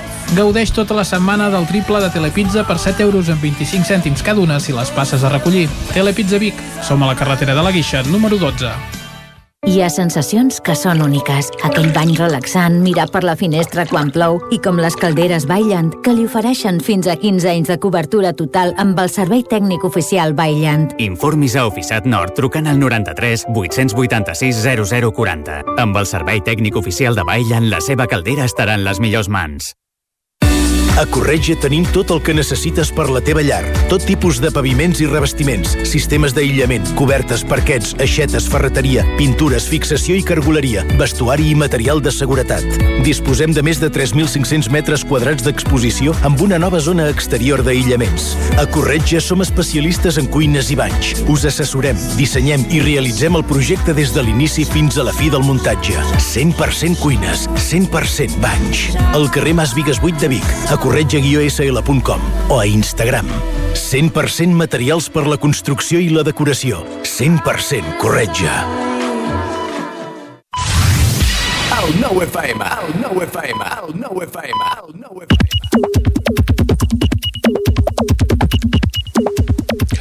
Són dos quarts onze, és el moment de donar pas a l'Isaac Moreno que ens faci un recull de l'actualitat que ha trobat per Twitter. Bon dia, Isaac.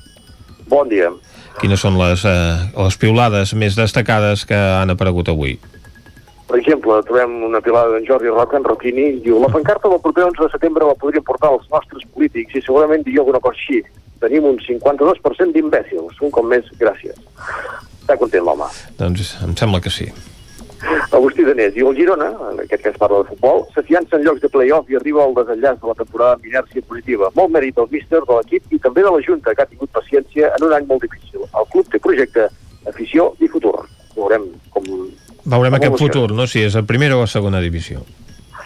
Pep Acosta, el meteoròleg, diu per les pròximes eleccions, és una pilada a la línia de la Roquini, eh? Mhm. Diu per les pròximes eleccions el partit més radical a favor de la independència de Catalunya, ja sigui de dretes o d'esquerres, té el meu vot. Ja n'estic fins als collons. Ara pla. Tornem al futbol. Diu en, Rac, en Xavi Bardolet, en Rakitic acaba de marcar un dels millors gols per al Barça d'aquesta temporada. Té que va ser de l'empat contra el Madrid diumenge. Però si al final el, el traspàs haurà anat bé. Uh, Xavier Fabrés de Drollós fa ressò d'un titular de Món Esport que diu polèmiques declaracions antibarcelonistes del capità de l'Espanyol. Que Venia a dir que l'únic que vol que el Barça no guanyi la Lliga. Bueno, també molts barcelonistes pensen el mateix de l'Espanyol, al final. Res diu Febrer, pots comptar? Diu Febrer, pots comptar? Diu el que pensen tots i una cosa, ni a l'altra banda passa el mateix, però en comptes de, de per guanyar la Lliga és per baixar a segona. Pim-pam. Uh, uh, aquesta pilada que ve ara de Miquel Anglada és una fotografia, però recomanem que tothom pugui accedeixi a Twitter i la vegi, és una fotografia de l'Art de Sant Martí sobre el camp de futbol de Torelló fet amb un ull de peix boníssima que diu bon entreno avui al club futbol Torelló. Veus? Uh -huh. Doncs, entrenant sota l'Art de Sant Martí. una, una imatge de postal a conseqüència doncs, d'aquest eh, temporal que va fer la Vall del Gès, com comentàvem fa una estona. Maria Nicolau diu, avui en Josep Ferràs, tenor, tenora solista de la Salvatana, ha tocat per WhatsApp al pare el moltes felicitats pel seu aniversari, cosa que per ell és una mica com per si em felicites a mi, una Beyoncé. Doncs mira, enhorabona. Molt bé, doncs eh, enhorabona al pare i en Josep Ferràs també per aquest detall. Correcte. Valentí Girbau diu la incapacitat d'Esquerra com a partit responsable de la investidura i formar govern i la de Junts, i de Junts i la CUP com a col·laboradors necessaris és el fracàs d'una classe política tancada en la seva bombolla víctima de la desconfiança i el partidisme i allunyada del país i la seva gent. Pim-pam, per, per, per tothom. Uh, Arnaldo Ordera, després de veure el crims d'ahir, diu si teniu la intenció de cometre algun crim, procureu que es pugui sintetitzar en un sol capítol. Bé, a vegades no es tracta del crim el que se sintetitza, sinó la investigació. Correcte. Uh, Xavier Torrefoc diu, conec moltes tietes indepes que estan convençudes que insultar gent a Twitter, a les performants de l'NC i portar un llaç d'oc és fer una revolució. Uh -huh. I l'últim pilar també de política, Joan Marqueter, diu això de la política catalana és una cosa de fireta, però de fireta, fireta. Queda, Queda dit. mostrat, queda dit i queda mostrat el, el content el contentament de la, de la comunitat tuitària. Ah, exacte, que en general la gent està molt eh, molesta per aquest entrebanc en les negociacions per formar govern entre els dos principals partits independentistes. Anem, eh, si, et, si et sembla, a repassar les portades del 99.cat. Comencem per el Vallès Oriental. Territori enllesteix el projecte del nou enllaç de la C-17 amb els polígons font del ràdio Miramango. La Junta de Vilamagore, Coll de Val, fixa el novembre per tornar a celebrar la festa tornen els sopars als restaurants i el menir de Vallurguina es restaurarà i serà visitable. Carreguem ràpidament l'edició d'Osona i el Ripollès. Macrooperació contra una xarxa que falsificava carnets de conduir amb informació de la Direcció General de Trànsit, jornada sobre infermeria i Covid-19 a la UBIC, i també més de 3.500 dosis per administrar el sucre de Vic en 4 dies. Ahir començava doncs, la vacunació per la franja de 50-59 anys. Moltes gràcies, Isaac. No hi ha què. Nosaltres ja. anem ara en directe a un d'aquests punts calents de la jornada on s'està desenvolupant doncs, aquesta actuació de la Policia Nacional conjuntament amb els Mossos d'Esquadra contra aquesta xarxa que es dedicava a falsificar permisos de conduir. És eh, el moment de la taula de redacció després de les piulades del dia. Territori 17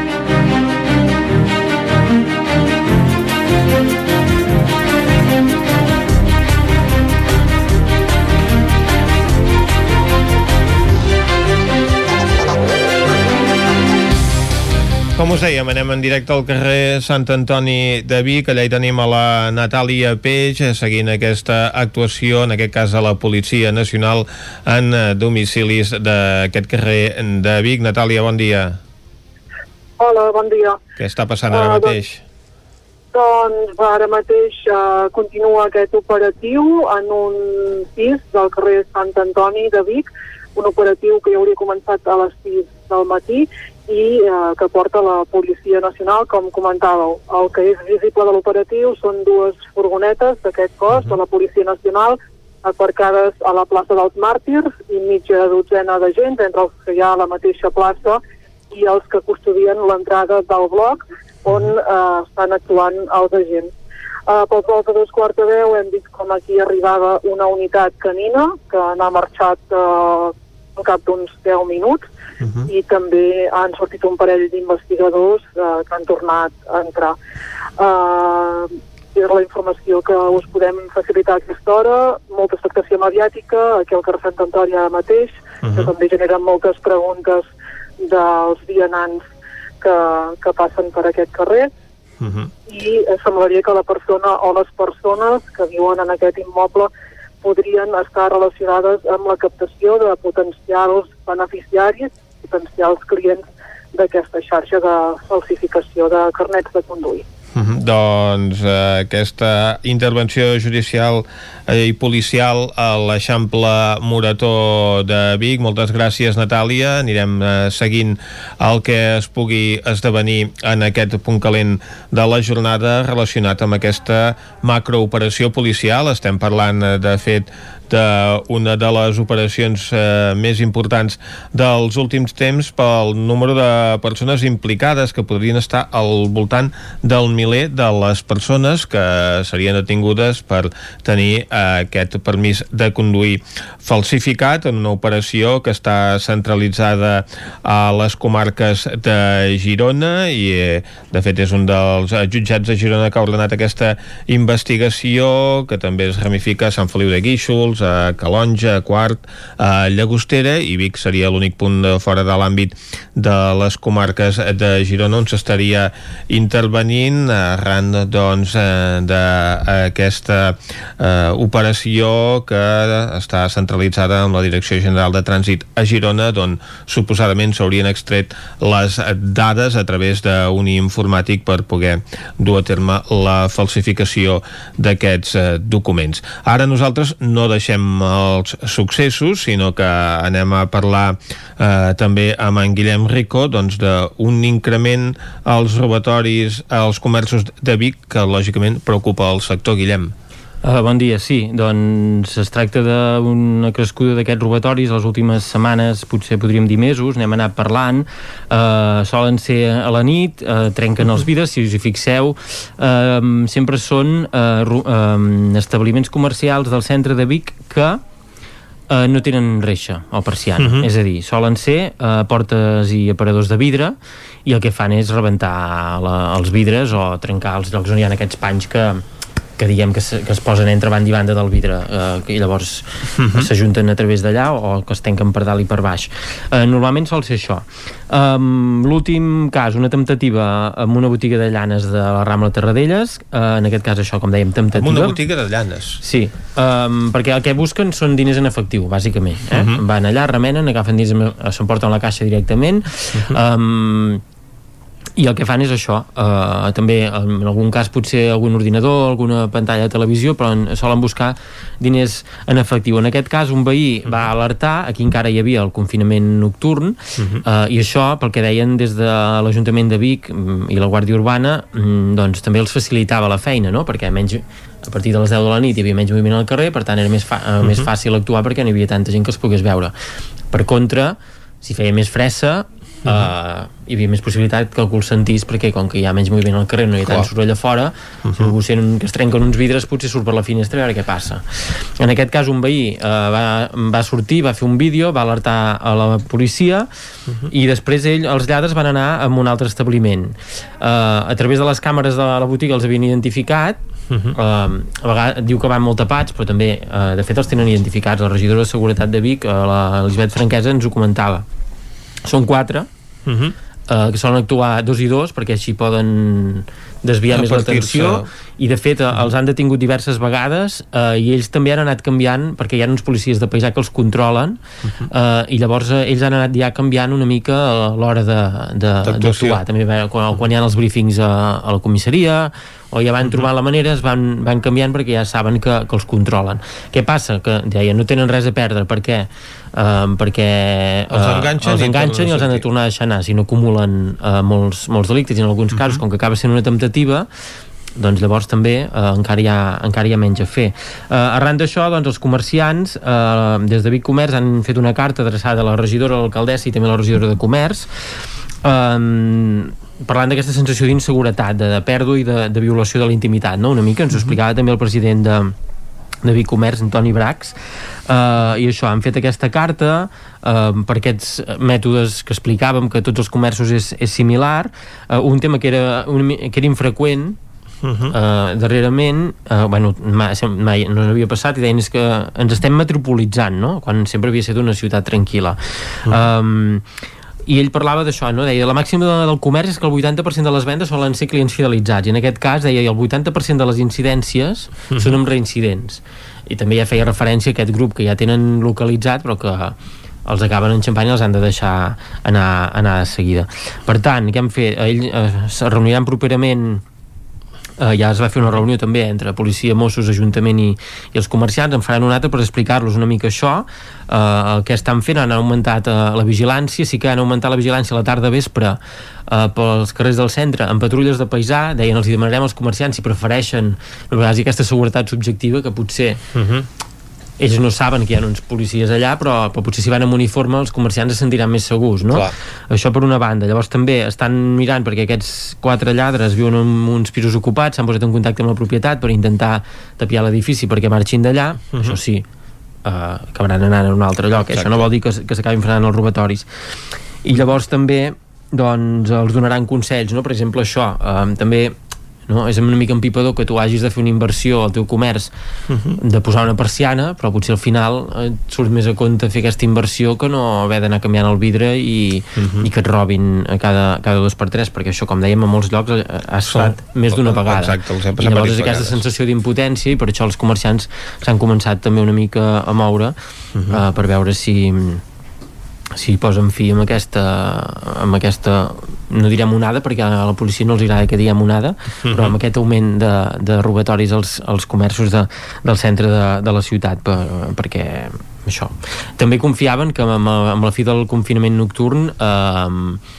això ajudi, això que dèiem, no? de que Mhm. hi hagi més gent voltant pel carrer que potser eh, dificulti en part la, la feina Mhm. d'aquests d'aquests lladres que, que són això, solen ser entre un, són, són quatre i tenen entre més o menys entre 21 i 36 anys eh? ara hi van haver eh, els dos aquests últims que van enganxar eren un de 21 i un de 36 aquests que van enganxar el, el di- dijous i divendres a la, a la matinada.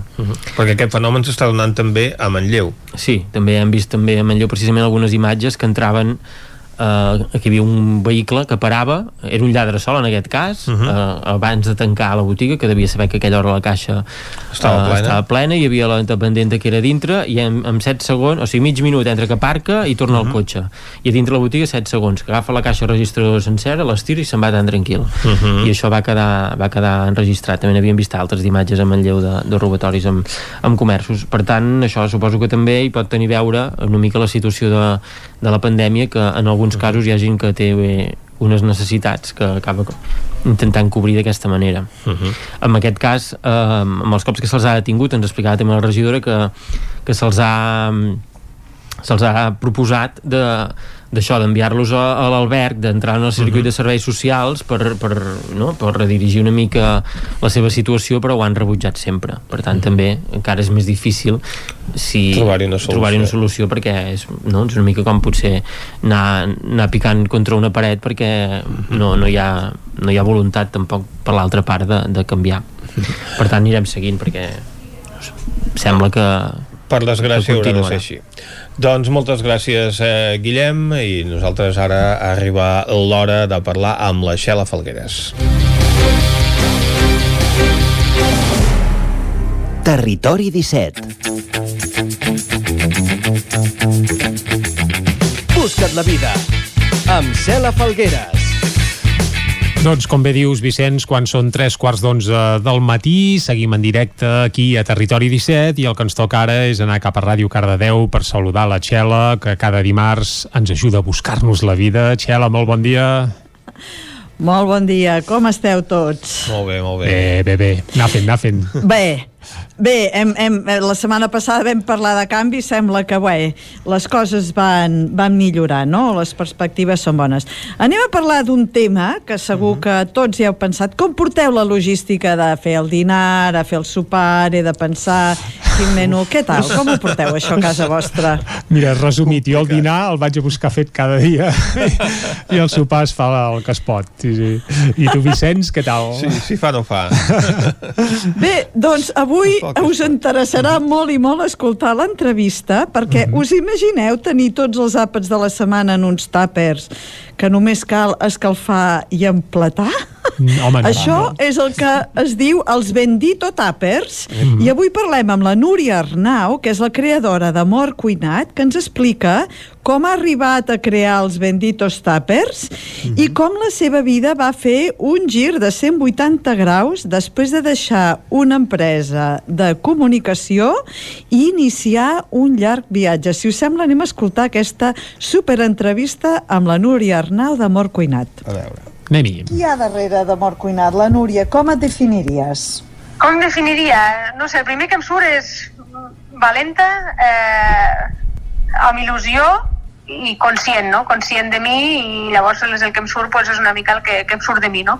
A la teva web, Núria, podem llegir que de directora de comptes de publicitat a cuinera. Què va passar? Doncs va ser un màster de creixement personal que vaig començar just dos, després de... mentre estava treballant amb l'agència de Publi i va ser com el meu inici de creixement personal. I va ser com un clic de, ui, què estic fent amb la meva vida, no? I després de, en aquest punt vaig dir, deixo la feina i me'n vaig de viatge. I el viatge, que va, al final va ser mm, de 10 mesos, que tampoc sabia quan seria, vaig anar com sense bitllet de tornada, doncs ho vaig veure clar durant el viatge a Nova Zelanda, vaig veure clar i ho vaig apuntar, que jo el que volia era cuinar per les persones però a casa seva. i allò claríssim, aquelles llums que veus que ningú et pot parar a la vida, però ningú, doncs va ser el clic. Quin any va passar això, Núria? Això va ser entre 2011 i 2012 i el 2013 va ser quan vaig crear Amor Cuinat. Al tornar, després de... va ser un poc... Al tornar no... Estava com aclimatant-me, va ser molt difícil.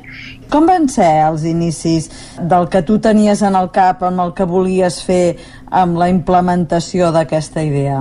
Mira, si et soc sincera, va ser com molt progressiu d'un un amic, mira, doncs farem el primer, el primer sopar a casa nostra, jo, vale? I recordo que vaig anar, mira què et dic, amb la motxilla de viatge, amb totes les verdures i tot sense manipular, vaig arribar a casa seva, perquè clar, era un amic que havia treballat amb l'agència, que va ser el meu director de comptes, o sigui, director-director. I diu, pues vine. I dic, ah, vale, vinc. I clar, vaig estar pues, el dia abans i aquell dia. O sigui, allò va ser com oh, és el primer, no? I a partir d'aquí, pues, un li diu a l'altre, un li diu a l'altre, tal, un compi de l'agència, el Miquel, em va fer la web, i va ser com anar fent, anar fent, anar fent més gent un a l'altre, i, i fins ara, pues, vuit anys. Ara treballes amb la teva mare, això és el que expliques a la web, i amb receptes Sí. de la teva padrina, no? Com és treballar amb unes arrels tan profundes en la teva essència com a persona? Pues és increïble, o sigui, abans de treballar amb... O sigui, la padrina mm, jo crec que va ser qui que no viu ja, però viu internament amb una llum increïble dins meu, va ser la, la que em va donar la, llum, jo crec, de aquest amor per la cuina, perquè vivíem nosaltres i cuinava ella i jo sempre volia estar allà al seu costat, no?, a la cuina, i això m'ho va impregnar ella, crec que va ser gràcies a ella. I ara amb la mama, que fa, no fa, des del principi, fa dos o tres anys, doncs és com que la nostra relació ha canviat de tal forma que, clar, és un, és un estar amb ella diàriament. I, jolín, no és gens fàcil, però a la vegada és un aprenentatge mutu que donem gràcies, tot i tindre moments, òbviament. Eh, si ho posem a una balança, és deu mil vegades més positiu que no pas els punts negatius. És I clar, és com molt tot casolà. És com si cuinéssim per, fa- per la família. No sé com explicar-ho. Sí, sí, sí. Tu de petita t'havies imaginat mai treballar amb la mare? Perquè moltes vegades sí que hi ha aquella cosa, treballaries amb la parella, no és una cosa que a vegades penses, però mm, t'havies plantejat mai treballar amb la teva mare o la teva mare s'havia plantejat mai de treballar a, a, amb una filla? Mai, o sigui, no ens ho havíem plantejat. Va ser que ella em va començar a venir a ajudar tal, tal, i és que no, mai m'havia entrat al, al cap de treballar amb ella. És més, amb la meva parella he treballat i a vegades treballo perquè també es dedica a l'hostaleria i esporàdicament treballem. Però amb la mama mmm, hi, ha, hi ha moments que encara dic que fort, no? Que estiguem treballant juntes. Sí, sí. Quins serveis esteu oferint ara a Amor Cuinat? A part de la cuina eh, a domicili, diguem-ne, el xef a domicili, què més oferiu? A partir de... O sigui, abans ho fèiem, però a partir del principi del desconfinament de l'any passat, o sigui, farà un any, ara mateix, ara d'aquí anar, oferim tema, el tema dels tàpers. Dels tàpers vull dir que cuinem per tota la setmana. Llavors fem el bendito tàper, cuinem tot el menjar de tota la setmana, t'arriba el dimecres i amb això menges tota la setmana. O sigui, alguns plats els pots congelar i alguns altres els mantens a la nevera. Llavors és com que fem la cuina del dia a dia i la reps a casa doncs, tot el dia, dinars o dinars i sopars o tot, tant, tants, tants àpats com vulguis. I per tantes persones com vulguis, suposo, també. Sí, sí, sí, sí. I llavors com ho feu per oferir els tàpers? Teniu una selecció de menús que els clients poden dir, jo que sé, al·lèrgies o són vegetarians o tenim una dieta restringida sense làctics o com, com gestioneu tota aquesta varietat d'opcions que els vostres clients vulguin demanar? Doncs mira, en comptes de, de, de preguntar, no és que no preguntem, és que cada setmana fem un menú diferent. Llavors, si tu tens alguna intolerància, alguna al·lèrgia, és més difícil, eh? però les intoleràncies ens adaptem, vale, jo que sé, no puc gluten, no puc lactosa, si no ets al·lèrgic, cap problema perquè clar, manipulem tot. Però si no, és cada setmana menú diferent i els clients que tinc setmanals ja directament és que quasi ni em pregunten el menú i n'hi ha que porto més d'un any. Vale, clar, cada però- setmana, sorpresa, jo a, a l'Instagram cada setmana publico el menú setmanal, llavors la gent ho veu, vinga va, els que no, els que no són habituals setmanals doncs em demanen, jo que sé, cada dues setmanes o cada un mes, jo que sé, i llavors tu veus el menú. Però els clients que són habituals ja és com, te pago el mes. I, i, i és com que la gent m'agraeix de, claro, no sé què comeré, a veure, oi que toca, no? Perquè els hi, poso, els hi posem un paperet amb el menú i llavors tenen allí el que mengen. Lo important és que t'arribi que no has de fer res, però absolutament, obrir i posar el plat. És més, també m'ho trasllado a mi, perquè el que cuinem ho mengem nosaltres. O sigui, el meu lema és, no et posaré res que jo no menjo, amb la qual mm, Actualment esteu fent repartiments a dintre de, de la ciutat de Barcelona? O... de- repartim a tota Espanya. Des de Nadal, que em van demanar uns, uns regals per els treballadors així com per tota Espanya, des de Nadal fem enviaments a tota Espanya, o sigui que al sitio más recón donde quieras, al pueblecito, allí llegamos. La pandèmia creieu que us ha canviat, a part de- d'haver-vos ajudat a, a definir aquest bendito tàpers, us Sí. ha canviat la logística, us ha canviat la manera de treballar?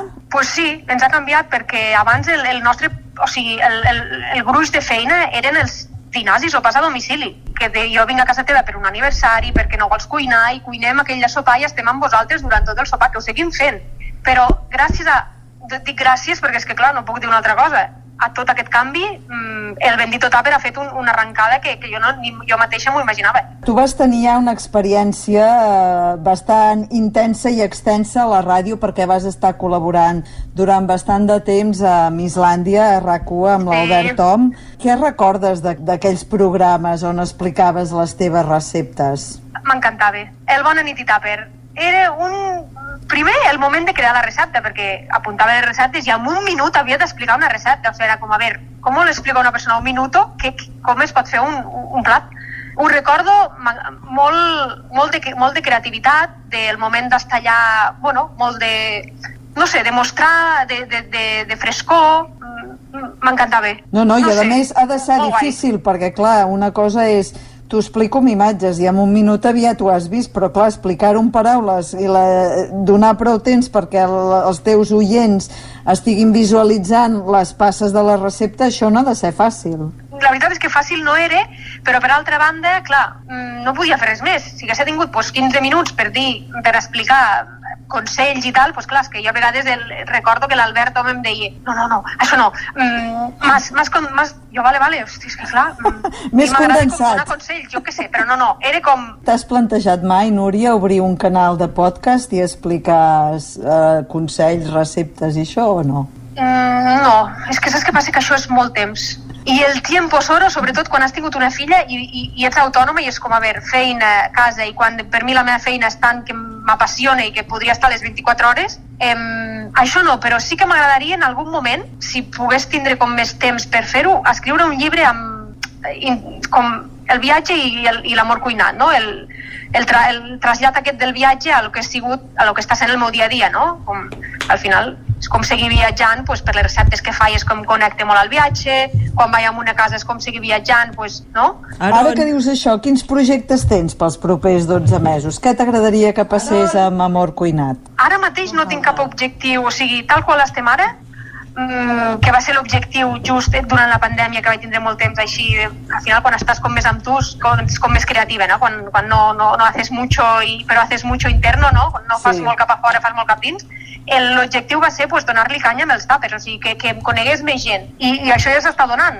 És més, és com que guai. No sé, l'objectiu, com si diguéssim, progressiu des de que vaig començar, sempre és continuar amb aquesta essència. Has fet cursos de cuina o com vas aprendre les, les tècniques de cuinar?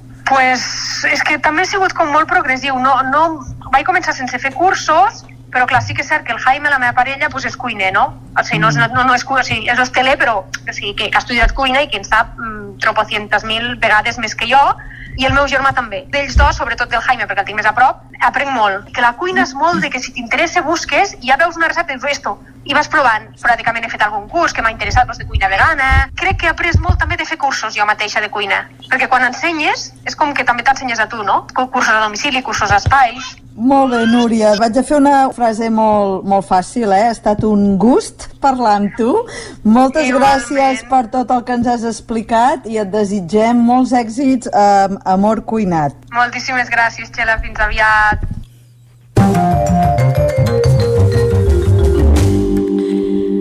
L'app d'aquesta setmana es diu Redecor i seria una eina per començar un hobby creatiu.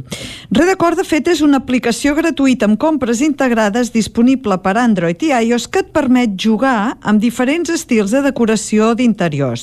Entre les característiques d'aquesta aplicació joc hi ha desafiaments diaris de disseny per crear espais fotorealistes, pots votar dissenys i ser part d'una comunitat inspiradora i es pot triar, segons diuen ells, entre més de mil opcions amb possibilitats úniques en disseny en tres dimensions. A través dels desafiaments i els vots es van aconseguint punts que llavors es poden bescanviar per nous elements de disseny. Alternativament, es pot treure la targeta de crèdit i comprar aquestes altres opcions. Val la pena notar que la seva web Redecor afirma que busca influencers interessats en dissenys d'interiors. La nota promig dels usuaris és d'un 4 sobre 5. Anem a les notícies de la setmana. La gran purga d'Amazon. El Marketplace descataloga productes de venedors amb valoracions falses. Fa anys que se sap que hi ha valoracions falses en moltes plataformes de venda online. La firma Safety Detective va descobrir una base de dades amb més de 200.000 persones disposades a proporcionar valoracions faci, falses a canvi de compensacions econòmiques i productes gratuïts. Sembla que aquesta base de dades podria provenir de la Xina i l'empresa de Bezos ja ha pres mesura eliminant algunes de les marques que estaven sotmeses a aquestes valoracions falses. I per acabar, hi ha indicis de que el Corte Inglés podria entrar en el negoci de les criptomonedes. El grup de distribució ha registrat la marca Bitcore a l'Oficina de Patents de la Unió Europea un primer pas per la seva incursió al mercat de les criptomonedes dins de la seva estratègia de diversificació i entrada en nous negocis. Ho haurem de seguir. I fins aquí el Buscat de Vida d'avui. Uh, moltes gràcies per escoltar-nos i ens retrobem el dimarts que ve. Mm -hmm. Doncs, Xela, moltes gràcies a tu. Moltes gràcies, Xela. I a més que avui... vagi molt bé. igualment, igualment. Avui ens ha deixat una mica amb gana, eh? Perquè, Sí. clar, parlàvem d'aquells tàpers, eh, magatzematge, que el sistema... És un sistema que ens l'haurem d'apuntar, eh, Vicenç? I que arriba a tot arreu. A més a més. explicat. Sí, sí, sí, sí. Uh, S'aprenen moltes coses. Sobretot uh, això, a l'hora de fer-ho ràpid i àgil, però bé, també... No, no ens ha aclarit si es paga amb criptomonedes. Mm. Ara que estan tan de moda, sembla que tothom en vol fer. Oi, els del Corte Inglés i tot. Uh, bé, una vegada en Joan Carles, que de seguida el tindrem aquí a Territori, a Territori 17, ja ens va deixar ben clar que això de les criptomonedes... Uh, Compte. Compte, alerta que no és or tot el que llueix i aquí a vegades hi ha trampes i cartrons i cal anar amb molt de compte. El que farem ara, abans d'anar a veure en Joan Carles, és de nou acostar-vos a l'actualitat de les nostres comarques. Per tant, Vicenç, esperarem que sonin les 10 i ens tornarem a posar a repassar l'actualitat de casa nostra, oi que sí?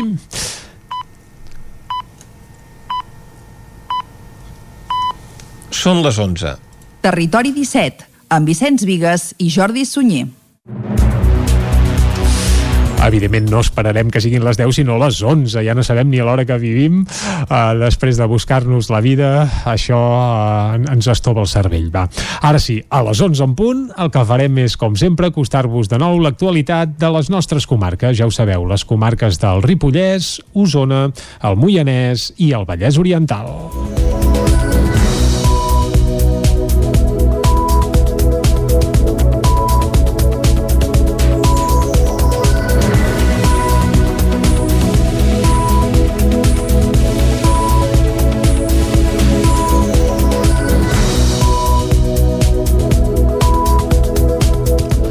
El nou enllaç a la C-17 a Lliçà i Granollers amb els polígons Font del Ràdium i Mango es farà amb una rotonda. David Auladell, de Ràdio Televisió, Cardedeu. L'actuació està pendent de licitar-se properament, segons afirmava ahir el conseller de Territori i Sostenibilitat en funcions, Damià Calvet, en una visita a les Franqueses. Aquesta obra millorarà la seguretat viària amb la reorganització de les actuals entrades al polígon Font del Ràdium, a la zona on hi ha empreses com Coaliment. Es construirà un nou vial que connectarà amb una nova rotonda que es farà a la zona nord del polígon. Des d'aquí un nou vial enllaçarà amb la resta del polígon. El projecte també inclou la construcció d'un pas per sota la C-17 que connectarà la nova rotonda amb la que hi ha al final del carrer principal de la zona comercial del sector de Mango, situat a la banda de ponent de la carretera. Des de la banda del sector de Mango es construirà un branc d'incorporació a la C-17 en sentit sud, que s'allargarà fins a l'enllaç amb la C-55 a tocar del terme de Lliçà de Vall.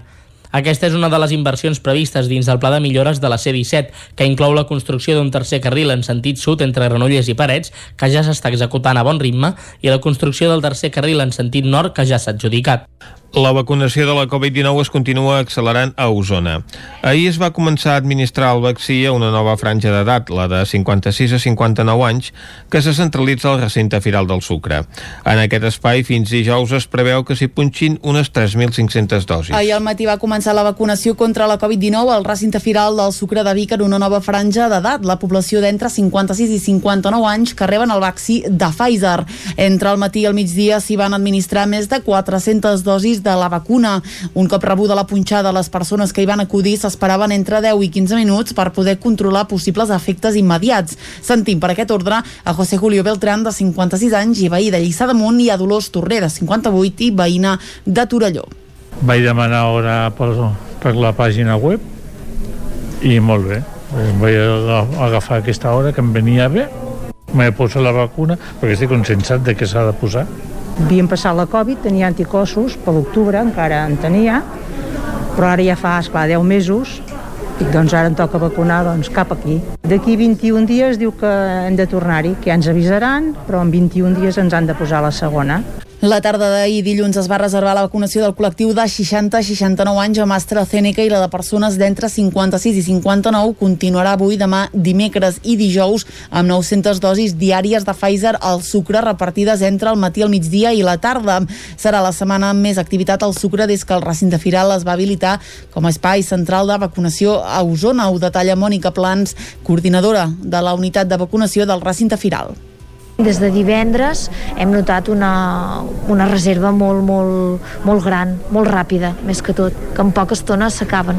Com que no hi ha molta plantilla d'infermeria a l'atur, el que sí que anem tibant és de professionals que s'apunten a fer jornades complementàries a la unitat i llavors ells, en funció de la seva feina, venen o torn de matí o torn de tarda o torn de migdia. Els centres d'atenció primària posen la vacuna de la Covid només a persones amb dificultats de mobilitat o especialment vulnerables. Fins ara Osona, sense comptar els menors de 16 anys, un 14% de la població ha rebut les dues dosis del vaccí i la cobertura amb la primera dosi ja supera el 30%. L'oposició de Camp de Bànol vota en contra que una regidora del govern cobri un sou. Isaac Muntades, des de la veu de Sant Joan. Els dos grups de l'oposició de Camp de Bànol, l'Esquerra Republicana de Catalunya i la CUP van votar en contra del fet que a partir d'ara la regidora de Junts per Camp de Bànol, Teresa Codinac, tindrà una dedicació en règim de jornada parcial al consistori i cobrarà un sou anual de 10.000 euros. La proposta va tirar endavant gràcies als vots a favor de l'equip de govern. L'alcaldessa Dolors Costa va justificar-ho dient que Codinac ve desenvolupant tasques de gestió, tràmits i assisteix al consistori de forma constant i periòdica. D'ara endavant, la DIL de Junts no percebrà cap retribució per l'assistència als òrgans col·legiats com el ple o les juntes de govern local. Costa va incidir en que la llei per un poble del volum de Can Davànol entre 1.000 i 5.000 habitants els hi permet ocupar fins a un 300% d'aquest tipus de retribucions i ara en tenen un 200% que es correspon al 100% de dedicació exclusiva de l'alcaldessa i al 50% de dedicació parcial de la primera tinent d'alcalde, Blanca Sánchez, i de Codinac. El portaveu republicà, Toni Riera, tenia algun dubte amb els sous. La suma dels sous als càrrecs amb remuneració ens, hem, ens sembla que supera el valor segons els habitants que tenim aquí a Can Davano, que és una base de 1.000 a 5.000 habitants, o sigui 43.793 euros amb 83. La suma que ens dona són els 33.988 amb 71 de l'alcaldia, més 10.085 amb 96 de la tinent d'alcalde, que seria la Blanca Sánchez, i més els 10.085 euros amb 96 de la nova remuneració de la nova tinent d'alcalde. Això ens, ens eh, comporta una suma de 54.160 amb 63. El secretari de la corporació, Ignasi Tous, va aclarir el tema. El que ha dit el, el senyor regidor és el màxim que pot, per, que, que pot percebre una persona en règim, en règim de dedicació total. És a dir, per la, la quantitat de població que té el municipi de Camp de Bànol, un càrrec de la corporació, un membre de la corporació en règim de dedicació exclusiva, pot percebre el sou d'un secretari d'Estat menys el 60%. No, no es pot sumar totes les quantitats de tots els càrrecs dels membres de la corporació, sinó que el topall que s'estableix és el tope que pot percebre un, un membre de la corporació en règim de dedicació exclusiva. Tot i això, Riera va dir que les regidories que portava Codinac, que són Mont Rural, Patrimoni, Seguretat Ciutadana, LGTBI i Protecció Civil, no eren les més agosarades i n'hi havia d'altres amb més feina, però com que tot s'ajustava a la llei no hi volien dir res més. Costa va aclarir que la tasca de la regidora anava més enllà de les carteres que duia. Per la seva part, Mariona Baraldés de la CUP creia que en un ajuntament hi ha molta feina i que potser seria convenient treure una plaça fixa per una persona polivalent que pogués fer de reforç a l'alcaldessa o de suport a l'equip tècnic. El regidor de Serveis Econòmics, Lluís López, en tenia la postura, però creia que aquesta persona hauria de fer uns horaris que anessin bé per reunir-se amb les entitats com els vespres, els dissabtes al matí i diumenges a la tarda, un treball que ja fa Codinac i que ve amb el càrrec de regidor. Avui dimarts entra en vigor la nova normativa impulsada per la Direcció General de Trànsit que obliga a anar a 30 km per hora a la majoria de carrers dels pobles i ciutats. Les noves directrius en aquest àmbit són clares i impliquen una reducció del límit de velocitat en funció de la via urbana en què es transiti. Així doncs, en la majoria de carrers dels pobles i les ciutats, els que tenen un únic carril per sentit de circulació s'haurà d'anar a 30 km per hora com a màxim. La velocitat s'haurà de disminuir fins als 20 km en carrers de plataforma única, com són les illes de Vianants, i com a molt es podrà anar a 50 per hora en zones que tinguin més d'un carril per sentit de circulació. A ciutats com Vic ja fa uns mesos que es fa pedagogia en aquest sentit i, de fet, s'han realitzat un centenar de treballs a la via pública per adaptar la senyalització de trànsit de la ciutat a la nova normativa. En punts que recentment s'han convertit en zones pacificades, com el Portalet o la Rambla del Carme, on d'altres on es comparteix la calçada en bicicletes, ja es va fer una nova senyalització tenint en compte la nova limitació de velocitat. La reforma sobre la normativa en matèria de trànsit també pretén endurir pròximament les sancions per l'ús del telèfon mòbil mentre es condueix i regular l'ús de patinets elèctrics. Una quarantena de col·lectius van participar dissabte a la 17a edició de la mostra d'entitats i músiques de Vic. Malgrat el gel hidroalcohòlic, els estants i les mascaretes, l'ambient va abocar al públic als temps prepandèmics. Sota un sol de justícia més propi dels mesos d'estiu i amb conceptes com xarxa o diàleg presidint l'espai, dissabte a la tarda una quarantena de col·lectius omplien la Rambla del Passeig i del Carme en la 17a edició de la mostra d'entitats i músiques de Vic, sense oblidar que els mesos de pandèmia els ha passat factura, el teixit associatiu es retrobava així amb la ciutadania. Sentim a Josep Ramon Soldavila, regidor de Ciutadania i Cooperació de l'Ajuntament de Vic. Sí, és veritat que hem anat detectant que les entitats ho han estat passant malament. Eh, algunes més que altres, perquè algunes tenen més estructures i altres tenen, eh, tenen menys. Algunes sense, sense activitats i sense trobar-se no ha passat res, han estat fent coses així amb sumort, però d'altres han patit. Qui també va celebrar la recuperació de la mostra va ser l'alcaldessa de Vic, Anna R, que va aprofitar per agrair-los la seva tasca. Tenim clar i des d'aquí els hi vull agrair la feina que eh, l'Ajuntament mai podria arribar a on arribem gràcies a la complicitat que poden eh, fer ells amb la seva feina. Per entitats com la Unió Excursionista de Vic ser a la mostra va ser una bona excusa per retrobar-se amb els socis. Núria Macià és la seva presidenta. Per altres anys, doncs, a vegades això hi ha hagut gent que, que informant-se, no?, quin tipus d'activitats fem, també algunes vegades, no?, per als casals, les activitats que fem a l'estiu, i aquest any, com que tenim un petit regal que va, va sortir del forn, que és un buf corporatiu per tots els socis, doncs avui també molta gent està passant a recollir-lo. A banda dels estants, la mostra també va comptar amb l'espectacle d'un grup de batucada i un taller d'iniciació al trapezi. La seva recuperació esperona al sector de les fires de la ciutat de Vic. La propera serà l'Actium, que se celebrarà del 22 al 23 de maig. La Santa Majestat ha tornat a l'església de Santa Maria de Caldes de Montbui després de ser restaurada. Caral Campàs, des d'Ona Codinenca. La Santa Majestat ja torna a ocupar el seu lloc a l'església de Santa Maria de Caldes després de passar pel Centre de Restauració de Béns Mobles de la Generalitat. La talla va ser portada a restaurar el novembre passat i durant el procés s'ha sotmès a un tractament contra els insectes que es nodreixen de fusta. D'altra banda, per tal de poder fer un correcte tractament i estudi del revers, la figura del Crist va ser desmuntada. A més, es va fer una neteja mecànica per eliminar la pols superficial i es va consolidar i estabilitzar l'estructura. També s'han tractat els elements metàl·lics i s'ha fixat l'estrat pictòric, entre d'altres tasques. La restauració ha costat prop de 9.500 euros i s'ha finançat entre la Generalitat, el Bisbat, la Parròquia i l'Ajuntament de Caldes. La Santa Majestat és una reproducció de la imatge antiga que datava del segle XII o XIII i que es va cremar el 21 de juliol de 1935 durant la Guerra Civil. Un vilatà va poder-ne rescatar el cap. El 1937 el vicari Ramon Giralt va encomanar la reconstrucció de la imatge a l'escultor barceloní Josep Rius. La nova figura es va lliurar a la població l'octubre del 1939. I fins aquí el butlletí informatiu de les 11 del matí que us hem ofert amb Vicenç Vigues, Clàudia Dinarès, David Auladell, Caral Campàs i Isaac Muntades. I ara, abans de parlar d'economia, avui tornarem a parlar del temps. I és que, com que la cosa està moguda, està bé estar al cas de tot plegat, perquè sembla que s'acosten pluges. Ens ho explicarà, com sempre, en Pep Acosta.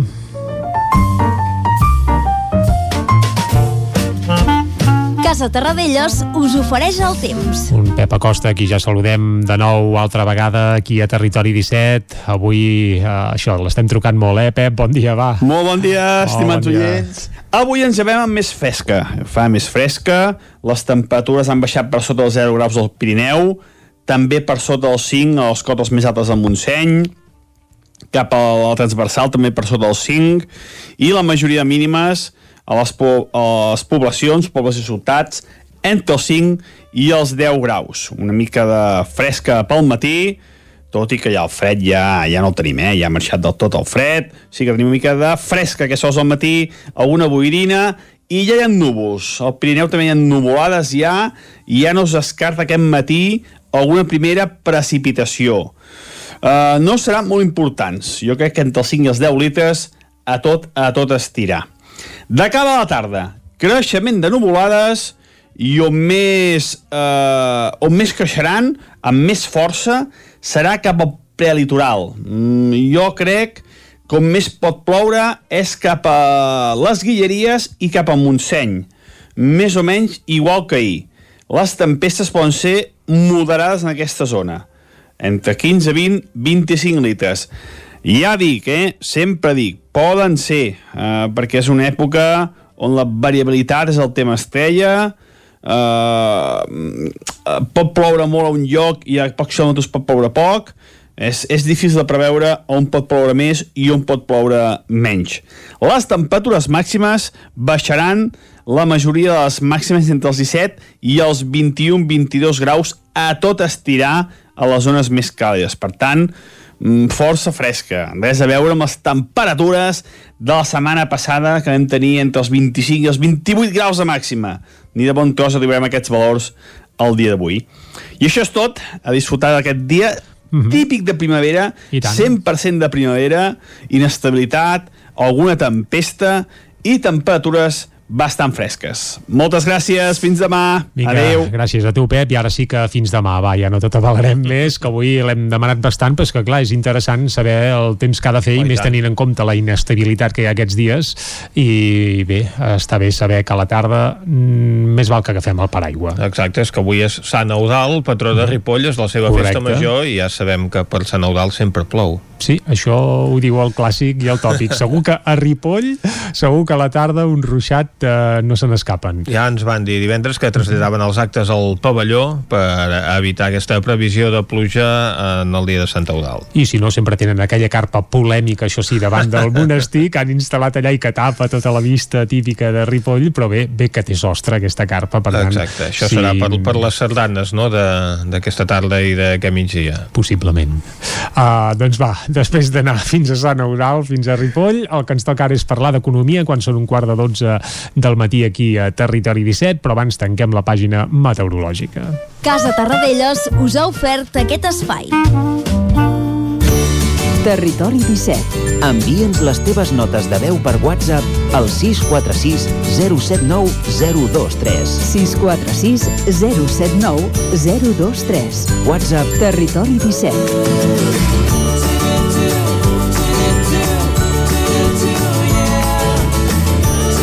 Territori 17. Som a Facebook, Twitter i Instagram amb l'usuari Territori 17.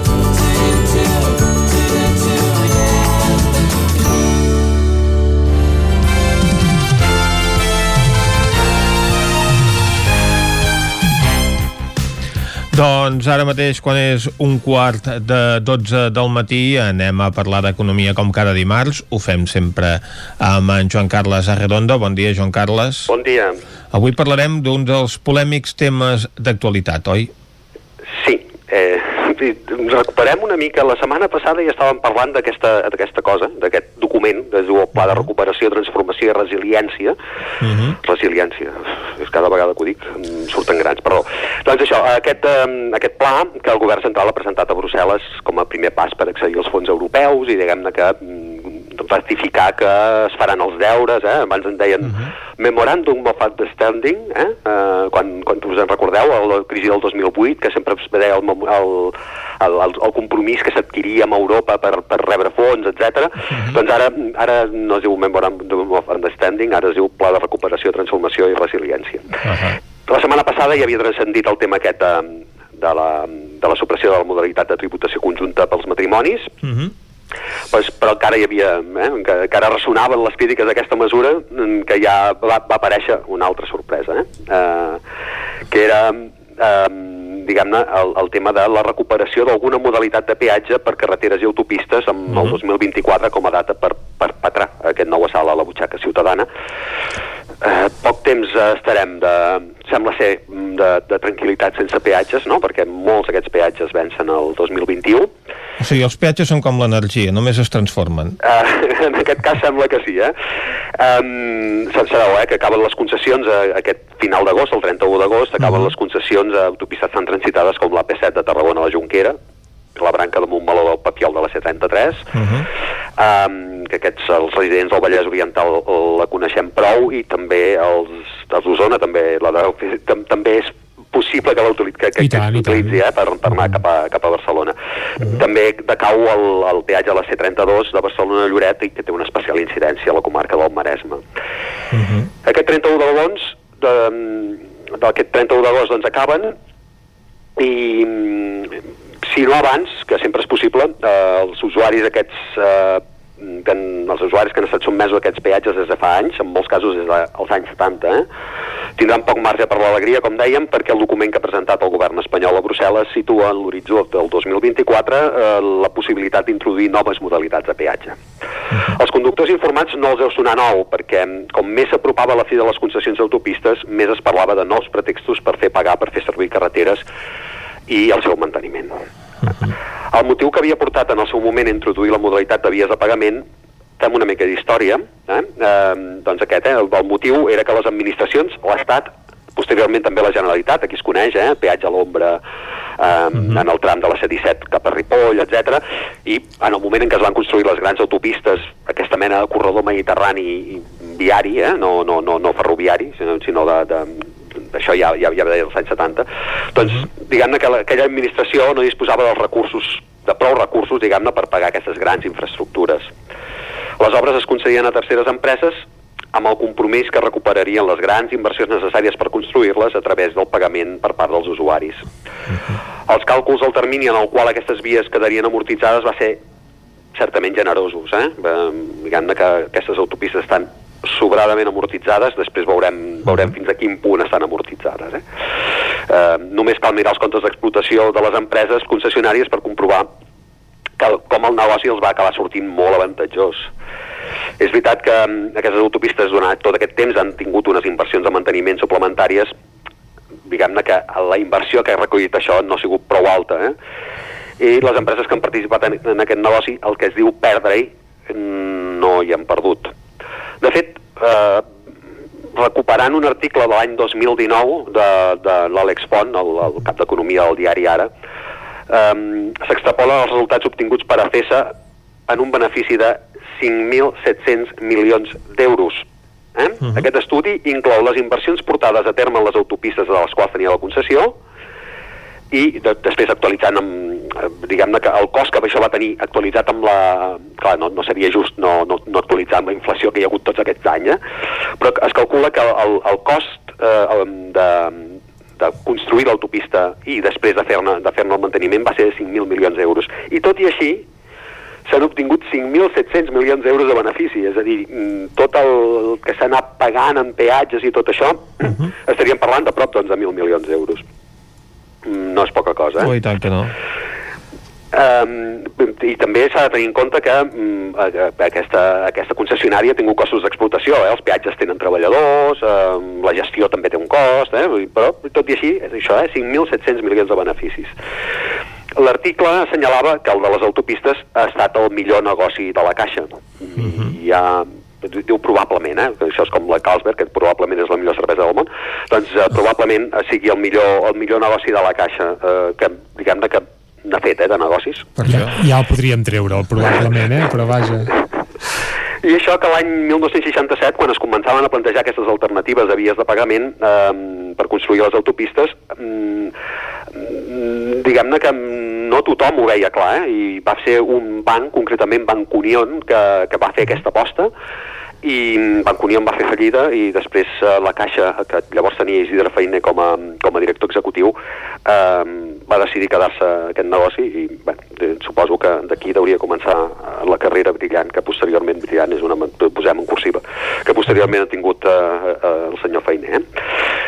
Arriba doncs el moment de la fi d'algunes de les concessions que més han perdurat i és ben cert que és difícil abstraure algunes de les operacions vinculades al sistema dels peatges dels últims anys, eh? els rescats de les radials a Madrid perquè el trànsit no era el previst, o ara aquesta compensació que ha sortit del barret com el conill del MAC per a CESA de 1.300 milions d'euros de res, 1.291, són pocs, eh, comparats amb els 4.200 milions que demana l'empresa, per demanar que no es cregui. Eh, aquesta, aquesta és la compensació que rebrà a CESA, que ara ja no és a la caixa, eh? però aquesta és la compensació que rebrà a CESA per aquesta fi de la concessió perquè van fer unes obres i el trànsit que s'havia previst quan van fer aquestes obres no ha sigut suficient, etc.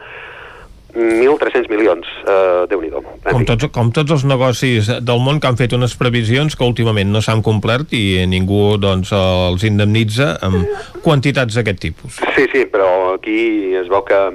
Florentino sempre guanya. No? Exacte, exacte.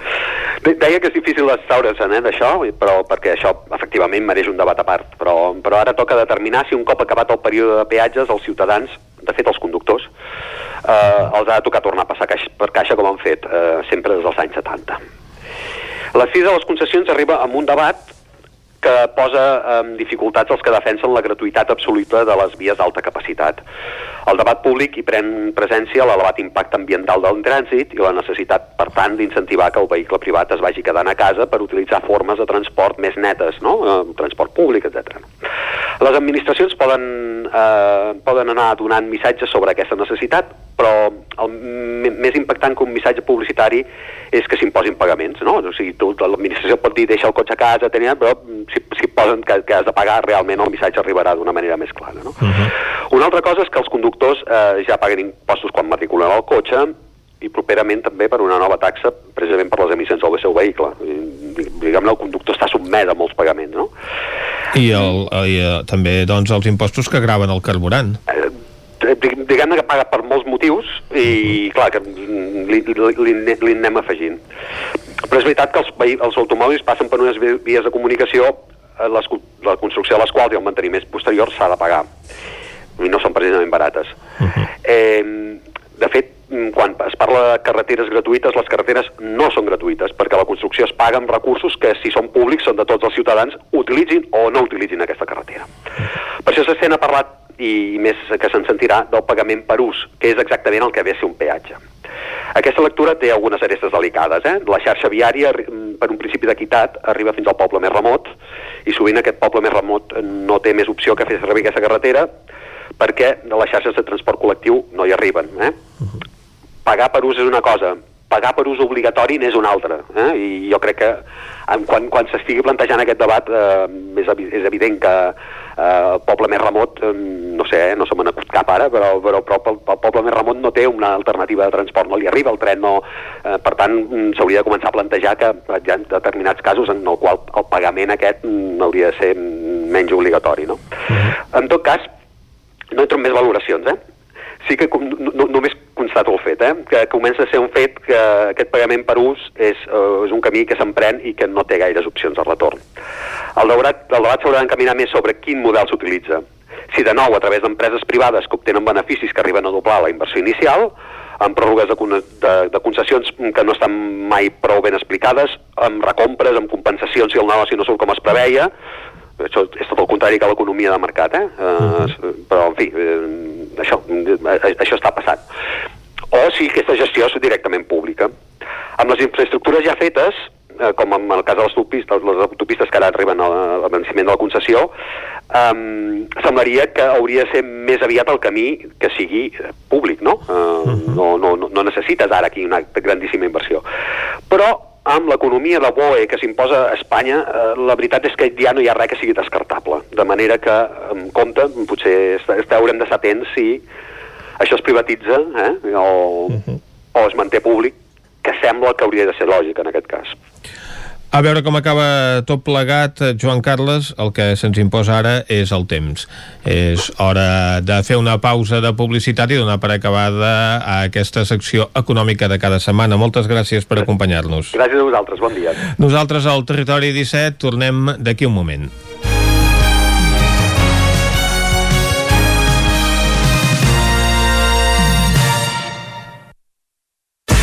El nou FM, la ràdio de casa, al 92.8.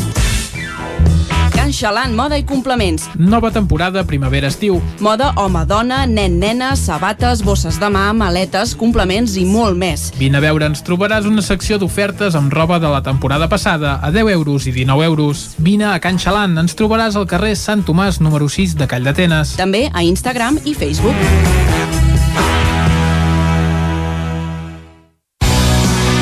Telepizza Vic. Vine a descobrir les nostres ofertes. Tots els dimarts ens tornem bojos, pizzas mitjanes a un preu irresistible i tots els dijous, Family Days. Gaudeix tota la setmana del triple de Telepizza per 7 euros amb 25 cèntims cada una si les passes a recollir. Telepizza Vic. Som a la carretera de la Guixa, número 12. Cada joia és un art. Joier J. Garcia, taller propi de joieria i rellotgeria. Joies úniques, peces artesanals, dissenys exclusius i personalitzats. Rellotges, anells, braçalets i molt més. Joier J. Garcia, ens trobaràs a la Rambla de Vallada 6 i a la carretera de la Guixa 10 de Vic i a Tona, al carrer Barcelona número 17. També a Instagram i a jgarciajoyer.com. Cocodril Club. Si t'agrada la bona música dels anys 60, 70 i 80, escolta el 9 FM els matins de dissabtes i diumenges d'11 a 1. És el temps del Cocodril Club, tot un clàssic de la ràdio, amb les bases del pop-rock, les llegendes, les cançons que s'han convertit en autèntics himnes. Recorda, dissabtes i diumenges al matí, d'11 a 1, al 9 FM 92.8. Cocodril Club, el programa revival de l'Albert Malla. Hasta luego. Hi ha sensacions que són úniques. Aquell bany relaxant, mirar per la finestra quan plou i com les calderes Bailand, que li ofereixen fins a 15 anys de cobertura total amb el servei tècnic oficial Bailand. Informis a Oficiat Nord trucant al 93 886 0040. Amb el servei tècnic oficial de Bailand, la seva caldera estarà en les millors mans. A Corretja tenim tot el que necessites per la teva llar. Tot tipus de paviments i revestiments, sistemes d'aïllament, cobertes, parquets, aixetes, ferreteria, pintures, fixació i cargoleria, vestuari i material de seguretat. Disposem de més de 3.500 metres quadrats d'exposició amb una nova zona exterior d'aïllaments. A Corretja som especialistes en cuines i banys. Us assessorem, dissenyem i realitzem el projecte des de l'inici fins a la fi del muntatge. 100% cuines, 100% banys. Al carrer Mas Vigues 8 de Vic, a corretja-sl.com o a Instagram. 100% materials per la construcció i la decoració. 100% corretja. El nou FM, la ràdio de casa, al 92.8.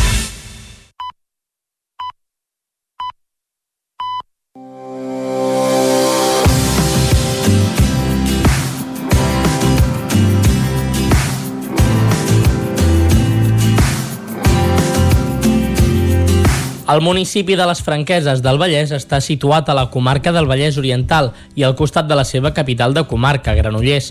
Formen el municipi els pobles i parròquies de Corró de Vall, Bella Vista, Llerona, Corró d'Amunt i Marata. La seva població s'aproxima als 20.000 habitants. Ha estat un municipi agrícola per tradició, però per proximitat a Granollers i Barcelona també ha crescut molt a nivell industrial, sobretot el sector químic i metal·lúrgic i el tèxtil. Els records històrics han persistit i donat nom al municipi de les Franqueses del Vallès. S'entenen per franqueses els privilegis atorgats ja de manera precisa al comte Berenguer Ramon I. Al 895 es troba citat un palau de Macerata, al territori anomenat Vallese, que segons Botet i Sisó va ser per identificar-se amb el poble de Marata. La seva església romànica dedicada a Santa Coloma ha estat documentada des de l'any 1077. L'església de Santa Maria de Llerona va ser documentada el 990. També a Llerona hi ha restes d'una antiga vila romana que es creu que poden pertànyer a una part del territori de la Lauro Monatal, lloc on encunyava moneda. L'àmbit geogràfic de l'antiga Lauro Ibèrica incluïa les valls del Congost, del Tenes, de la Riera de Cànoves, de l'Alt Mogent, de la Mitjana i Alta Tordera i de la vall inferior del Mogent. Aquesta demarcació tindria prou població i producció agrícola per tenir moneda pròpia. L'església de Corró damunt dedicada a Sant Mamet és romànica, encara que ha patit diverses reconstruccions. L'antiga església de Corró de Vall, dedicada a Santa Eulàlia, també romànica, va ser cremada durant la Guerra Civil i enderrocada posteriorment. L'església actual és del 1954.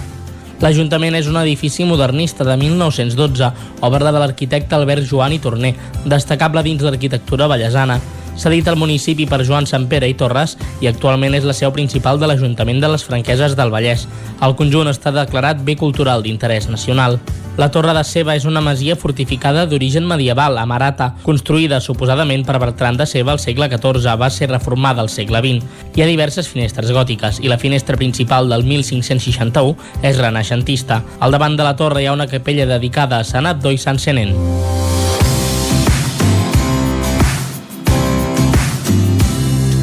Territori 17. Doncs les franqueses del Vallès, a les portes de Granollers, i baixem des del Ripollès a Osona, i bé, uh, si no és a les portes, si vens des del sud, però déu nhi quins atractius que té. Jo només li sabia aquella casa modernista quan arribes, des de la Ah, Garriga. la de que- l'Ajuntament. Ah, exacte, que ara s'ha reconvertit en l'Ajuntament, sí, sí, i abans passaves per allà al davant i tot plegat, i ara et fan fer un vol pel costat, ho han convertit tot plegat en una espècie de passeig i fer a força goig, sí, sí. Mm -hmm. Uh, avui hem anat a les franqueses del Vallès. Avui hem anat a les uh, Franqueses, una població que uh, també s'ha de conèixer, eh, perquè té això de diferents nuclis i eh, bé, has de ser, has de ser d'allà per saber on para corredor amunt, corredor avall i Uf. corredor al mig i... Costa, costa. és veritat, com costa. Com també costa anar a la R3, eh, on cada dia és una aventura. Mm -hmm. uh, ens hi capbussem, sí? Som-hi. Doncs va, anem a la Trenc d'Alba a parlar de la R3. A Trenc d'Alba, edició pandèmia. Ara sense els usuaris que ens explicaven les seves desgràcies a la R3, però amb els mateixos retards i problemes de sempre.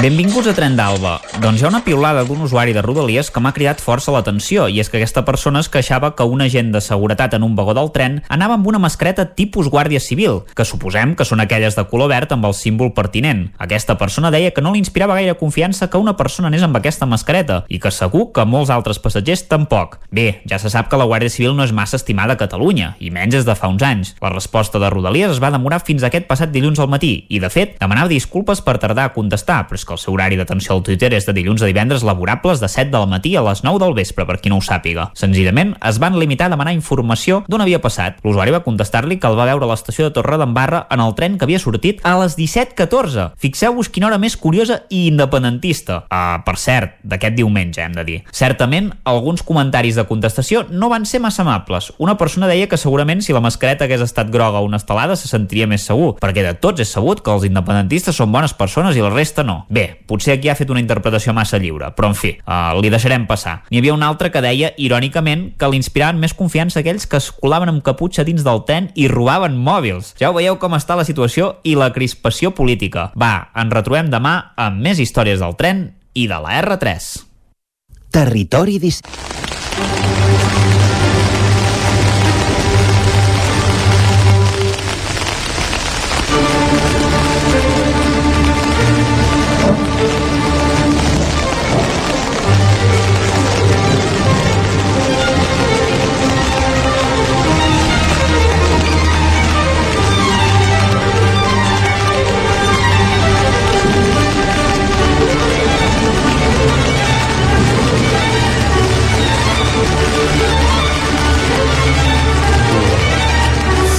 Comença a ploure a bots i a barrals aquí a Territori 17, però no patiu, de moment eh, ho fa perquè estem entrant de ple a la, secció de meteorologia i medi ambient eh, fora, al carrer, de moment encara no plou, tot i que ja ens ha dit Vicenç en Pep Acosta que segurament avui acabarem remullats, per Aquesta tant... tarda eh, hi pot haver algun ruixat. doncs, conclusió, agafeu el paraigua. Però bé, ara no parlarem de meteorologia, sinó que avui ens acompanyen, com sempre, un cop al mes aquí a Territori 17, els amics del l'Agència de l'Energia d'Osona, amb en Gil Salvans, que avui no ve sol, perquè ha vingut acompanyat de l'Arment Llobet, que és regidor de Transició Energètica i Medi Ambient de Sant Pere de Torelló. I el primer que hauríem de començar és, ostres... És demanant-li a l'Arment que, bé, que és això d'una regidoria de transició energètica, de medi ambient en té tothom, però de Sí. transició energètica només a Sant Pere. Exacte, això és pràcticament únic. Uh, Gil, Arment, molt bon dia i benvinguts. Bon dia.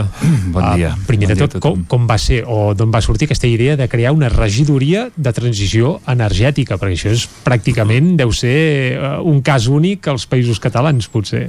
O no? Bueno, no, no, no sé si tan, tan únic, però és cert que que mm, bé, doncs fa dos anys o fa una mica més de dos anys quan es preparava la candidatura municipal a Sant Pere, que sabeu que és l'entesa per Sant Pere, que de fet és llista única Hi ha regidories Am, per tothom. Uh, bueno, uh, no, en Jordi, en Jordi Fàbrega el, em, em va demanar que m'incorporés per Jordi gestionar... Fàbrega, que és l'alcalde. Correcte. eh, que m'incorporés com a, per, per gestionar la central tèrmica que tenim des de fa molts anys a Sant Pere, que abasteix una xarxa de calor la major part del poble. I bueno, vaig estar-hi donant un parell de voltes i vaig dir, mira Jordi, jo accepto entrar a cuidar-me d'aquest tema sempre que li donguem la volta i transformem doncs, eh, aquesta central, aquest projecte que tenim des de fa pràcticament 30 anys a Sant Pere, com el pilar per fer un procés de transició energètica. La transició energètica vol dir passar del model actual diguem-ne, doncs, basat sobretot en fonts no renovables doncs, a un model més eficient i basat en fonts renovables. I vaig dir, Jordi, jo crec que ens hem de posar el repte de posar dates en aquesta transició energètica. Mhm. eh, a Europa s'està discutint aquest tema i, i diguem-ne hi ha un acord perquè el 2050 s'hagi- o sigui, tot el sistema energètic europeu funcioni basat en energies renovables. Hem dit, escolta, si Europa s'ha de tenir fet els deures el 2050, a Sant Pere amb 2.500 habitants ho hem de fer molt abans, perquè si no, diguem-ne, no som un cas relativament fàcil, si no hem fet els casos relativament fàcils, doncs difícilment ho faran els més complicats, com puguin ser les àrees metropolitanes, etc. No? Per cert, per posar en context, la gent que ens escolta, que no coneix bé el cas de Sant Pere de Torelló, eh, feies referència a una caldera, és que Sant Pere sou força pioners, eh? Hi ha una instal·lació que en teoria genera calefacció per gran part de la població, és així, oi? Sí, sí, sí, sí. En aquests moments tenim uns 660 abonats a tot el municipi, eh, que és doncs, la major part, potser unes tres quartes parts dels consumidors, però aquí hem d'incloure mm, doncs, molts particulars, els comerços, eh, els edificis eh, municipals, però també un bon nombre d'empreses, diguem-ne, del, ind- industrials del polígon, que tenen doncs, un subministrament d'aigua eh, que en- se'n diu de baixa temperatura, és a dir, per sota dels 100 graus. Uh -huh. Mm, Aquesta és una, una de les particularitats, com dèiem, de Sant Pere, perquè aquesta, aquesta central doncs, va néixer en el seu primer moment per, per cremar el residu de, de la indústria de la torneria de la Vall del Gès, no? Correcte, sí, sí, sí, això es va començar, a, a, bueno, va arrencar a finals dels anys 80 del segle passat Uh -huh. i efectivament es volia resoldre dos problemes eh, amb una sola actuació, no? Hi havia doncs, la, la, la, la torneria local que doncs, eh, creava molts, molts rebutjos de fusta, diguem-ne, seca, i era un problema perquè llavors es cremava, llavors contaminava, etc. I va dir, escolta, muntem aquesta central eh, i, i, i doncs solucionem un tema de residus i donem un servei públic al poble. Ara, això va ser un projecte doncs segurament massa avançat a, a, a la seva època eh, hi ha hagut moltes vicissituds eh, després es va incórrer moltes pèrdues es va intentar muntar una espècie d'incineradora subcomarcal un projecte que va ser bastant polèmic finalment doncs ja en els últims anys la- l'Ajuntament ha recuperat plenament el control del projecte. I hi ha una gestió municipal que, que funciona, funciona raonablement bé encara que ens queda molta feina de, diguem-ne, rehabilitar aquella antiga xarxa dels anys 90 que en alguns punts ja estava molt deteriorada. Uh -huh. I com s'alimenta ara aquesta central? Bé, des del 2000, principis del 2019 es va posar en marxa una nova caldera que funciona amb, amb biomassa forestal. Uh -huh. Per tant, hem passat de residus que no, és, no eren només de fusta, sinó que després eren bastant barrejats, uh -huh. doncs a un residu, una font renovable com és la biomassa uh -huh. forestal. Ara ja estem una mica situats, sabem què passa a Sant Pere, uh, però obrim una mica el ventall i parlem de la transició energètica que necessitaria, en aquest cas, tota la comarca. Uh, en Gil ens n'ha parlat de vegades aquí a, a Territori 17, però a grans trets, quins són o quins haurien de ser els primers passos a fer perquè veritablement caminessin cap a una transició energètica ràpida, eficient i això, deixant-nos de grans projectes però anant al gra i coses que es puguin aplicar ja com aquell qui diu demà passat. Per on hauríem de començar? Um, aquí, Jordi, és on, on, on ens trobem en el camí amb Sant Pere i l'Agència de l'Energia, que, com uh -huh. dius, n'hem parlat moltes vegades. Um, arrel de la transició energètica necessària i urgent que hem de fer, eh, l'Agència d'Energia preparava un projecte ambiciós però no tant, diguéssim, de, de crear comunitats energètiques, que també n'hem parlat algun dia, de crear 50 comunitats o 40 comunitats energètiques a la comarca, uh -huh. i quan estàvem treballant amb això, quan vam parlar amb Sant Pere, eh, liderat per, per l'Hermen, Sant Pere Trullera tenia un projecte molt ambiciós de molt ambiciós per de complir els objectius europeus. Eh? Bàsicament era dir, ostres, si el 2030 hem de reduir el 55% de les emissions de CO2, com s'ha compromès la Unió Europea fa 10 dies o 15 dies, el dos, amb 5-6 anys vol dir que hem de reduir-ne ja el 40%. Per tant, Sant Pere de Torelló tenia un projecte de reduir el 40% de, de les emissions l'any 2026 i vam dir, hosti, per què no fem una extrapolació d'aquests objectius reals i, i ambiciosos de Sant Pere a tota la comarca i aquí és on hem començat a treballar i hem fet un projecte o un, un pla estratègic per, per aconseguir reduir d'aquí al 2026-2027 un 42% de les emissions de CO2 a la comarca d'Osona que una mica la transició energètica ve eh, imposada per això, eh, per la reducció i la lluita contra el canvi climàtic. Mm, aquest és el principal objectiu, és reduir les emissions i, i cuidar el nostre entorn, diguéssim. I aquí és on ens trobem i, i l'Hermin ens pot dir una mica les, les principals actuacions previstes en aquest projecte, que és un projecte molt ambiciós però que, però que alhora si volem complir els, el que s'està comprometent els nostres dirigents europeus Clar, no, i, no ho i hem de fer només per consciència no. mediambiental, sinó perquè és que és el que toca, perquè sí. Europa ens humana no? és així, és així mm -hmm. en realitat el, el primer que cal fer són comptes és a dir, quan... Comptes, vols dir comptes, números, eh? Ras sí, sí, eh? sí, sí, sí, comencem xifres, per eh? aquí. Eh, eh, anava a explicar, quan, quan nosaltres volem muntar un negoci, una empresa mm. o el que sigui, eh, hem de fer un pla de negoci, hem de fer uns pressupostos, unes projeccions a X anys no? d'ingressos, de, de despeses, etc. Els ingressos han de cobrir les despeses com a mínim perquè el, el, el negoci sigui viable. Aquí hem de fer el que en diem comptabilitat energètica i ambiental. Per tant, el punt de partida és dir què estem consumint en aquest cas a Osona o en el municipi X eh, doncs amb consums, per exemple, de tipus tèrmic, per calefaccions, aigua calenta, usos industrials, etc. Eh, que normalment, doncs, eh, si no hi ha alguna excepció com a Sant Pere, estan abastits per fonts no renovables i d'origen fòssil, no? com poden ser doncs, el gasoil, eh, o el, el gas natural en la majoria de casos. Què estem consumint amb, amb xifres, amb, amb megawatts hora o amb gigawatts hora a l'any amb energia elèctrica per tots els consums, múltiples consums que ja sabem i quina part d'aquesta doncs està aportada per, per fonts renovables, sobretot fotovoltaica, que, que déu-n'hi-do Osona el que tenim, però percentualment és molt petit. Eh? I què estem consumint en mobilitat, és a dir, quan ens desplacem en vehicles, siguin turismes, siguin motos o siguin doncs, eh, camions i autocars, no?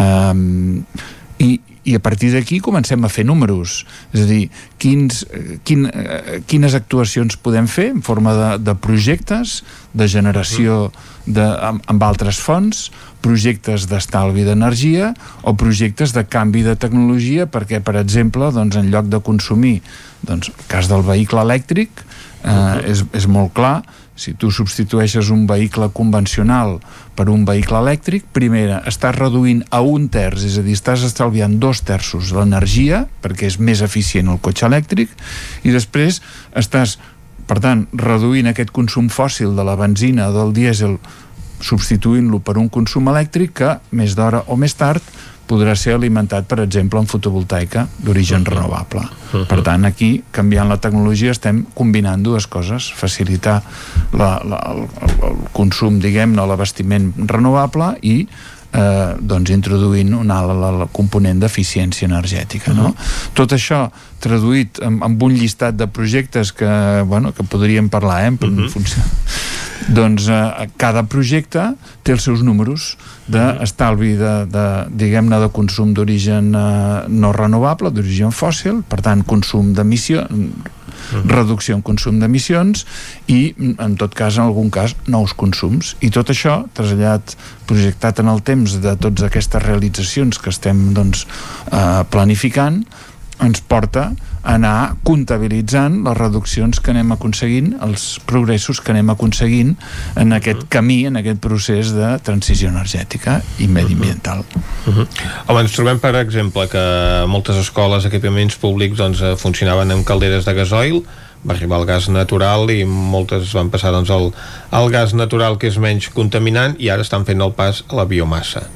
Uh, aquest cas s'està estenent ara mateix uh, quin, quin és el desplegament d'aquesta de, possibilitat d'utilitzar aquesta energia doncs, no contaminant? Uh, uh, en aquest cas, és a dir, com sabeu, eh, la comarca de Zona també a nivell, sobretot a nivell municipal, és pionera en temes de calderes de biomassa. Estem parlant que hi ha més de 40 calderes de biomassa instal·lades, moltes d'elles amb, amb centres educatius, però sí que aquest projecte, mm, la biomassa és un dels elements clau, uh -huh. però farem un s'ha de fer un pas més, s'ha de ser més ambiciós amb el tema de la biomassa i no és suficient posar calderes de biomassa per, per un sol equipament. Aquí, uh -huh. eh, tu Hermen pots comentar-ho més, més bé, però estem parlant de que l'exemple Sant Pere s'haurà de, de replicar, no sé si en la magnitud, però sí eh, alguns exemples de, de, de instal·lar calderes district heatings que distribueixin la calor a tota una sèrie de barris, a tota una sèrie d'indústries i per tant eh, la biomassa és una font perquè la fotovoltaica ens servirà molt per tots els subministraments elèctrics però tenim uns subministraments tèrmics a la comarca molt importants i la biomassa jugarà un paper clau. També és veritat que haurem de de plantejar aquí eh, sistemes tecnològics que, que filtrin els fums, etc i un control de la qualitat de l'aire, però és més fàcil controlar la qualitat de l'aire amb grans instal·lacions, que tens un sol centre de combustió i una sola xamaneia, eh, que no pas anar tenint petites llars de foc i petites estufes arreu del territori. Per tant, fins i tot en aquest sentit, poder fer centrals importants i de distribució de calor servirà per les dues coses. Sí. Um, realment, clar, mm, tota, totes aquestes actuacions que s'han fet de calderes per equipaments municipals, etc tenen un gran valor, han tingut un gran valor, sobretot demostratiu, per agafar pràctica, diguem-ne, rodatge, etc. però si mirem en termes estadístics, en termes de comptabilitat energètica, potser pesen un 2% sobre Clar. tot el conjunt de consums. El, el consum uh -huh. central està en les llars de cadascú de nosaltres que tenim doncs, la caldera de gas o de gasoil, eh, uh -huh. o en algun cas estufes també de llenya, eh, i, i, i això, canviar-ho casa per casa, pot ser molt llarg i, uh -huh. i si hem de dependre de, de les decisions individuals condicionades per la butxaca de la gent uh -huh. doncs segurament aquesta transició el 2050 encara estaria quasi poc menys que les beceroles no? Uh -huh. per tant eh, hem d'introduir sistemes que ens permetin una implantació massiva i, i m'avanço una pregunta que segurament s'estan fent molts dels nostres oients amb el sentit de i, i aquesta festa qui la paga? -huh. I això és molt important. Què val, eh? exacte. Eh, què, què ens costa? Eh, és molt important perquè, primera, eh, si, si plantegem que això ho paguin doncs, els consumidors, les famílies, les empreses, no avançarem no avançarem uh -huh. perquè és allò que hem dit moltes vegades eh, consciència i butxaca i està molt bé treballar la consciència però, però té un recorregut limitat i la butxaca encara el té, pot tenir menys més. Uh -huh. Per tant, segona, segona opció que ho pagui tot l'administració la, pública. Malament, potser anirem una miqueta més ràpid, però no gaire més, perquè ja sabem les limitacions pressupostàries i les prioritats que hi ha en els ajuntaments o en aquest cas el Consell Comarcal. Per tant, hem d'anar a esquemes en què el, el mínim possible sigui aportat per fons públics i el màxim possible sigui aportat per fons de finançament privat, uh mhm. -huh. però més de tipus institucional a les empreses, en fons d'inversió o fins i tot amb esquemes de crowdfunding, Home, però no al, als consumidors. El que sí que poden fer les administracions, ja sigui ajuntaments, consells comarcals, etc, és facilitar tota aquesta transició, que no sé fins a quin punt eh, en alguns casos doncs s'està fent, no? que això sí que seria entre cometes fàcil de fer Bé, aquest, aquest és el nostre repte, és a dir, uh -huh. com a administracions locals, com a territori, per una banda, doncs, eh, plantejar uns esquemes viables de, de gestió i de finançament d'aquests projectes i, per altra, doncs, mobilitzar també la ciutadania i les empreses, una mica tot el territori i les pròpies administracions locals per fer d'aquesta transició energètica un, un, un procés col·lectiu. Eh? Uh -huh. Però abans hi ha una feina d'agafar tipologia, cada tipus de projecte, és a dir, oferir solucions tècnico-econòmiques i financeres eh, que es puguin adaptar a les necessitats i a la, a la morfologia, diguem-ne, del territori o com, com, com sí, sí, són com els nostres barris i mm. poblacions i després donar-hi doncs, aquesta solució que combina la part tècnica i energètica amb la part econòmica i financera. No? Mm -hmm. I aquí és on en molts dels projectes apareixen les comunitats energètiques que esmentava abans en Gil uh -huh. i que doncs, si en alguns casos com per exemple les xarxes de calor poden ser de, de titularitat municipal o, o, o, o comarcal doncs amb altres com eh, programes de cobertes eh, doncs en els, les taulades urbanes o taulades industrials als polígons aquí és on poden com, eh, intervenir les comunitats energètiques per ajudar a estructurar aquests projectes i també al final intentar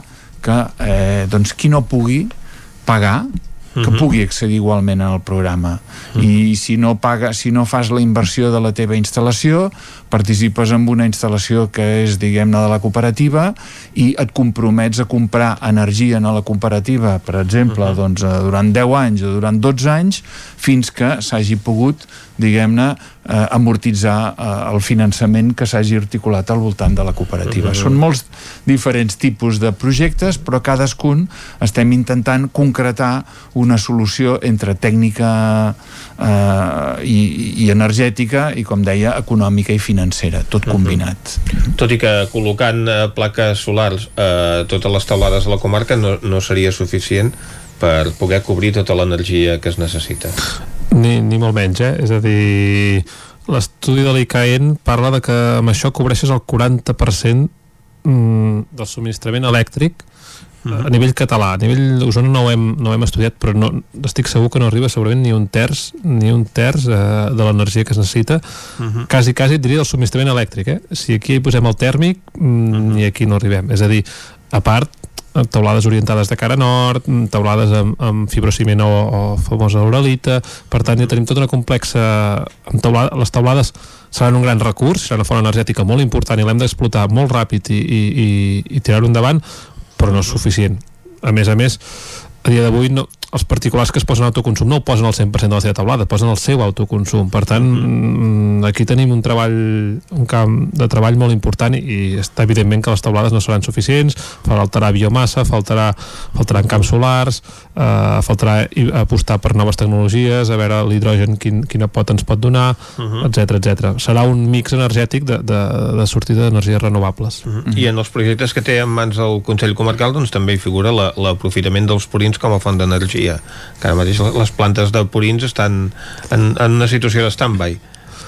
Aquest, aquest, és un, aquest és un dels, dels punts a, a, a innovar, és a dir, el, el, a, les plantes de, de purins estan en punt de stand-by, de fet mm, pròximament hi ha una, una visita in situ dels tècnics del Consell Comarcal i fins i tot els, el, el grup que estem treballant en aquest projecte de transició energètica per veure quin paper han de jugar aquestes plantes, però és, és, és, és veritat que tenim un, un recurs que és el, els purins eh, o el residu agroalimentari, perquè no és només el purí, tenim altre residu a la comarca, que segurament eh, alguns alguna sortida energètica tindrà de cara al futur. Aquí hem de veure si en forma de biogàs connectat a la xarxa, si en forma de...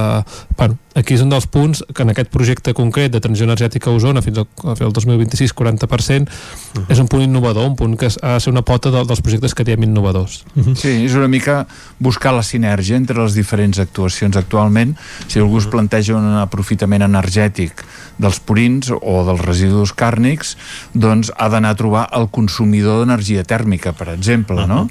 En aquest cas, doncs, si aquestes plantes les posem a prop d'una xarxa de calor, tenim la xarxa de calor com a usuari de, en aquest cas de la calor produïda i si estem generant amb cogeneració també energia elèctrica doncs també podem incorporar-la junt amb la fotovoltaica doncs, a les xarxes de, de, de, de consum elèctric en aquest cas que estem desenvolupant.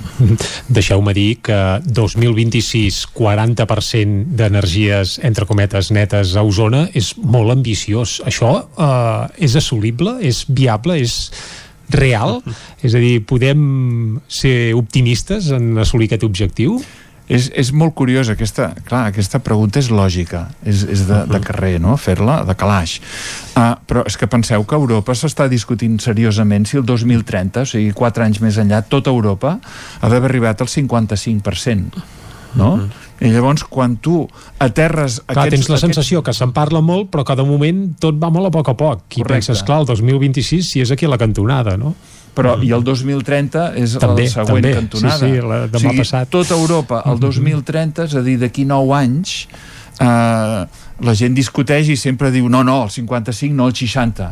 Però nosaltres el que hem fet a Osona crec que no s'ha fet mm, gairebé en lloc és dir, aterrem objectius d'aquests en projectes concrets. I quan fas el llistat i que fas aquesta comptabilitat, dius, ostres, ens surt un xurro de projecte parlant malament, eh, que realment és, és un gran repte. Però, però és que eh, aquest repte el posem també com a mirall una mica d'aquestes eh, eh, discussions, diguem-ne, que hi ha a nivell macro, a nivell d'Europa, no? o a nivell d'Espanya, o a nivell de Catalunya. I llavors diem, senyores i senyors, aquests objectius que esteu discutint en el Parlament Europeu, nosaltres l'hem aterrat aquí, eh, una mica més baixos però amb, amb menys temps, i són un repte realment molt important. Eh, per, per tirar endavant aquest repte el que cal Bé, són aquests mínims fons. Nosaltres estem plantejant que hi hagi entre un 35 i un 40% de, de fons públics i la resta privats, eh? però eh, necessitem una organització per tirar endavant això molt important. Uh mhm. -huh. eh? Tant de bo, tant de bo eh, d'aquí uns anys puguem celebrar que s'estan complint aquests objectius i evidentment pel bé de tots, perquè és evident que aquí eh, no s'hi va la badar que ens hi va la vida en el fons eh? Uh, Arment Llobet, Gil Salvans moltes gràcies per haver-nos acompanyat avui a Territori 17 a fer-nos una mica 5 cèntims d'aquest uh, projecte de transició energètica que s'està cuinant a Osona algun altre dia haureu de tornar a venir o acabem de, de passar comptes. de desplegar, de passar comptes, sí, perquè això és molt llarg i molt ambiciós i tant de bo pugui arribar a bon port. I Vicenç, nosaltres ja anem per tancar el programa d'avui, eh? Doncs sí senyor, tanquem aquest territori 17 que hem fet Clàudia Dinarès, Isaac Muntades, Caral Campàs, David Auladell, Pepa Costa, Isaac Moreno, Natàlia Peix, Guillem Rico, Xela Falgueres, Joan Carles Arredondo, Jordi Sunyer i Vicenç Vigues. Nosaltres tornarem demà fent-vos companyia, com sempre, des de les 9 del matí i fins a les 12 del migdia. Adeu. Que vagi bé. Territori 17, un magazín del nou FM. La veu de Sant Joan, Ona Codinenca i Ràdio Cardedeu amb el suport de la xarxa. El nou FM.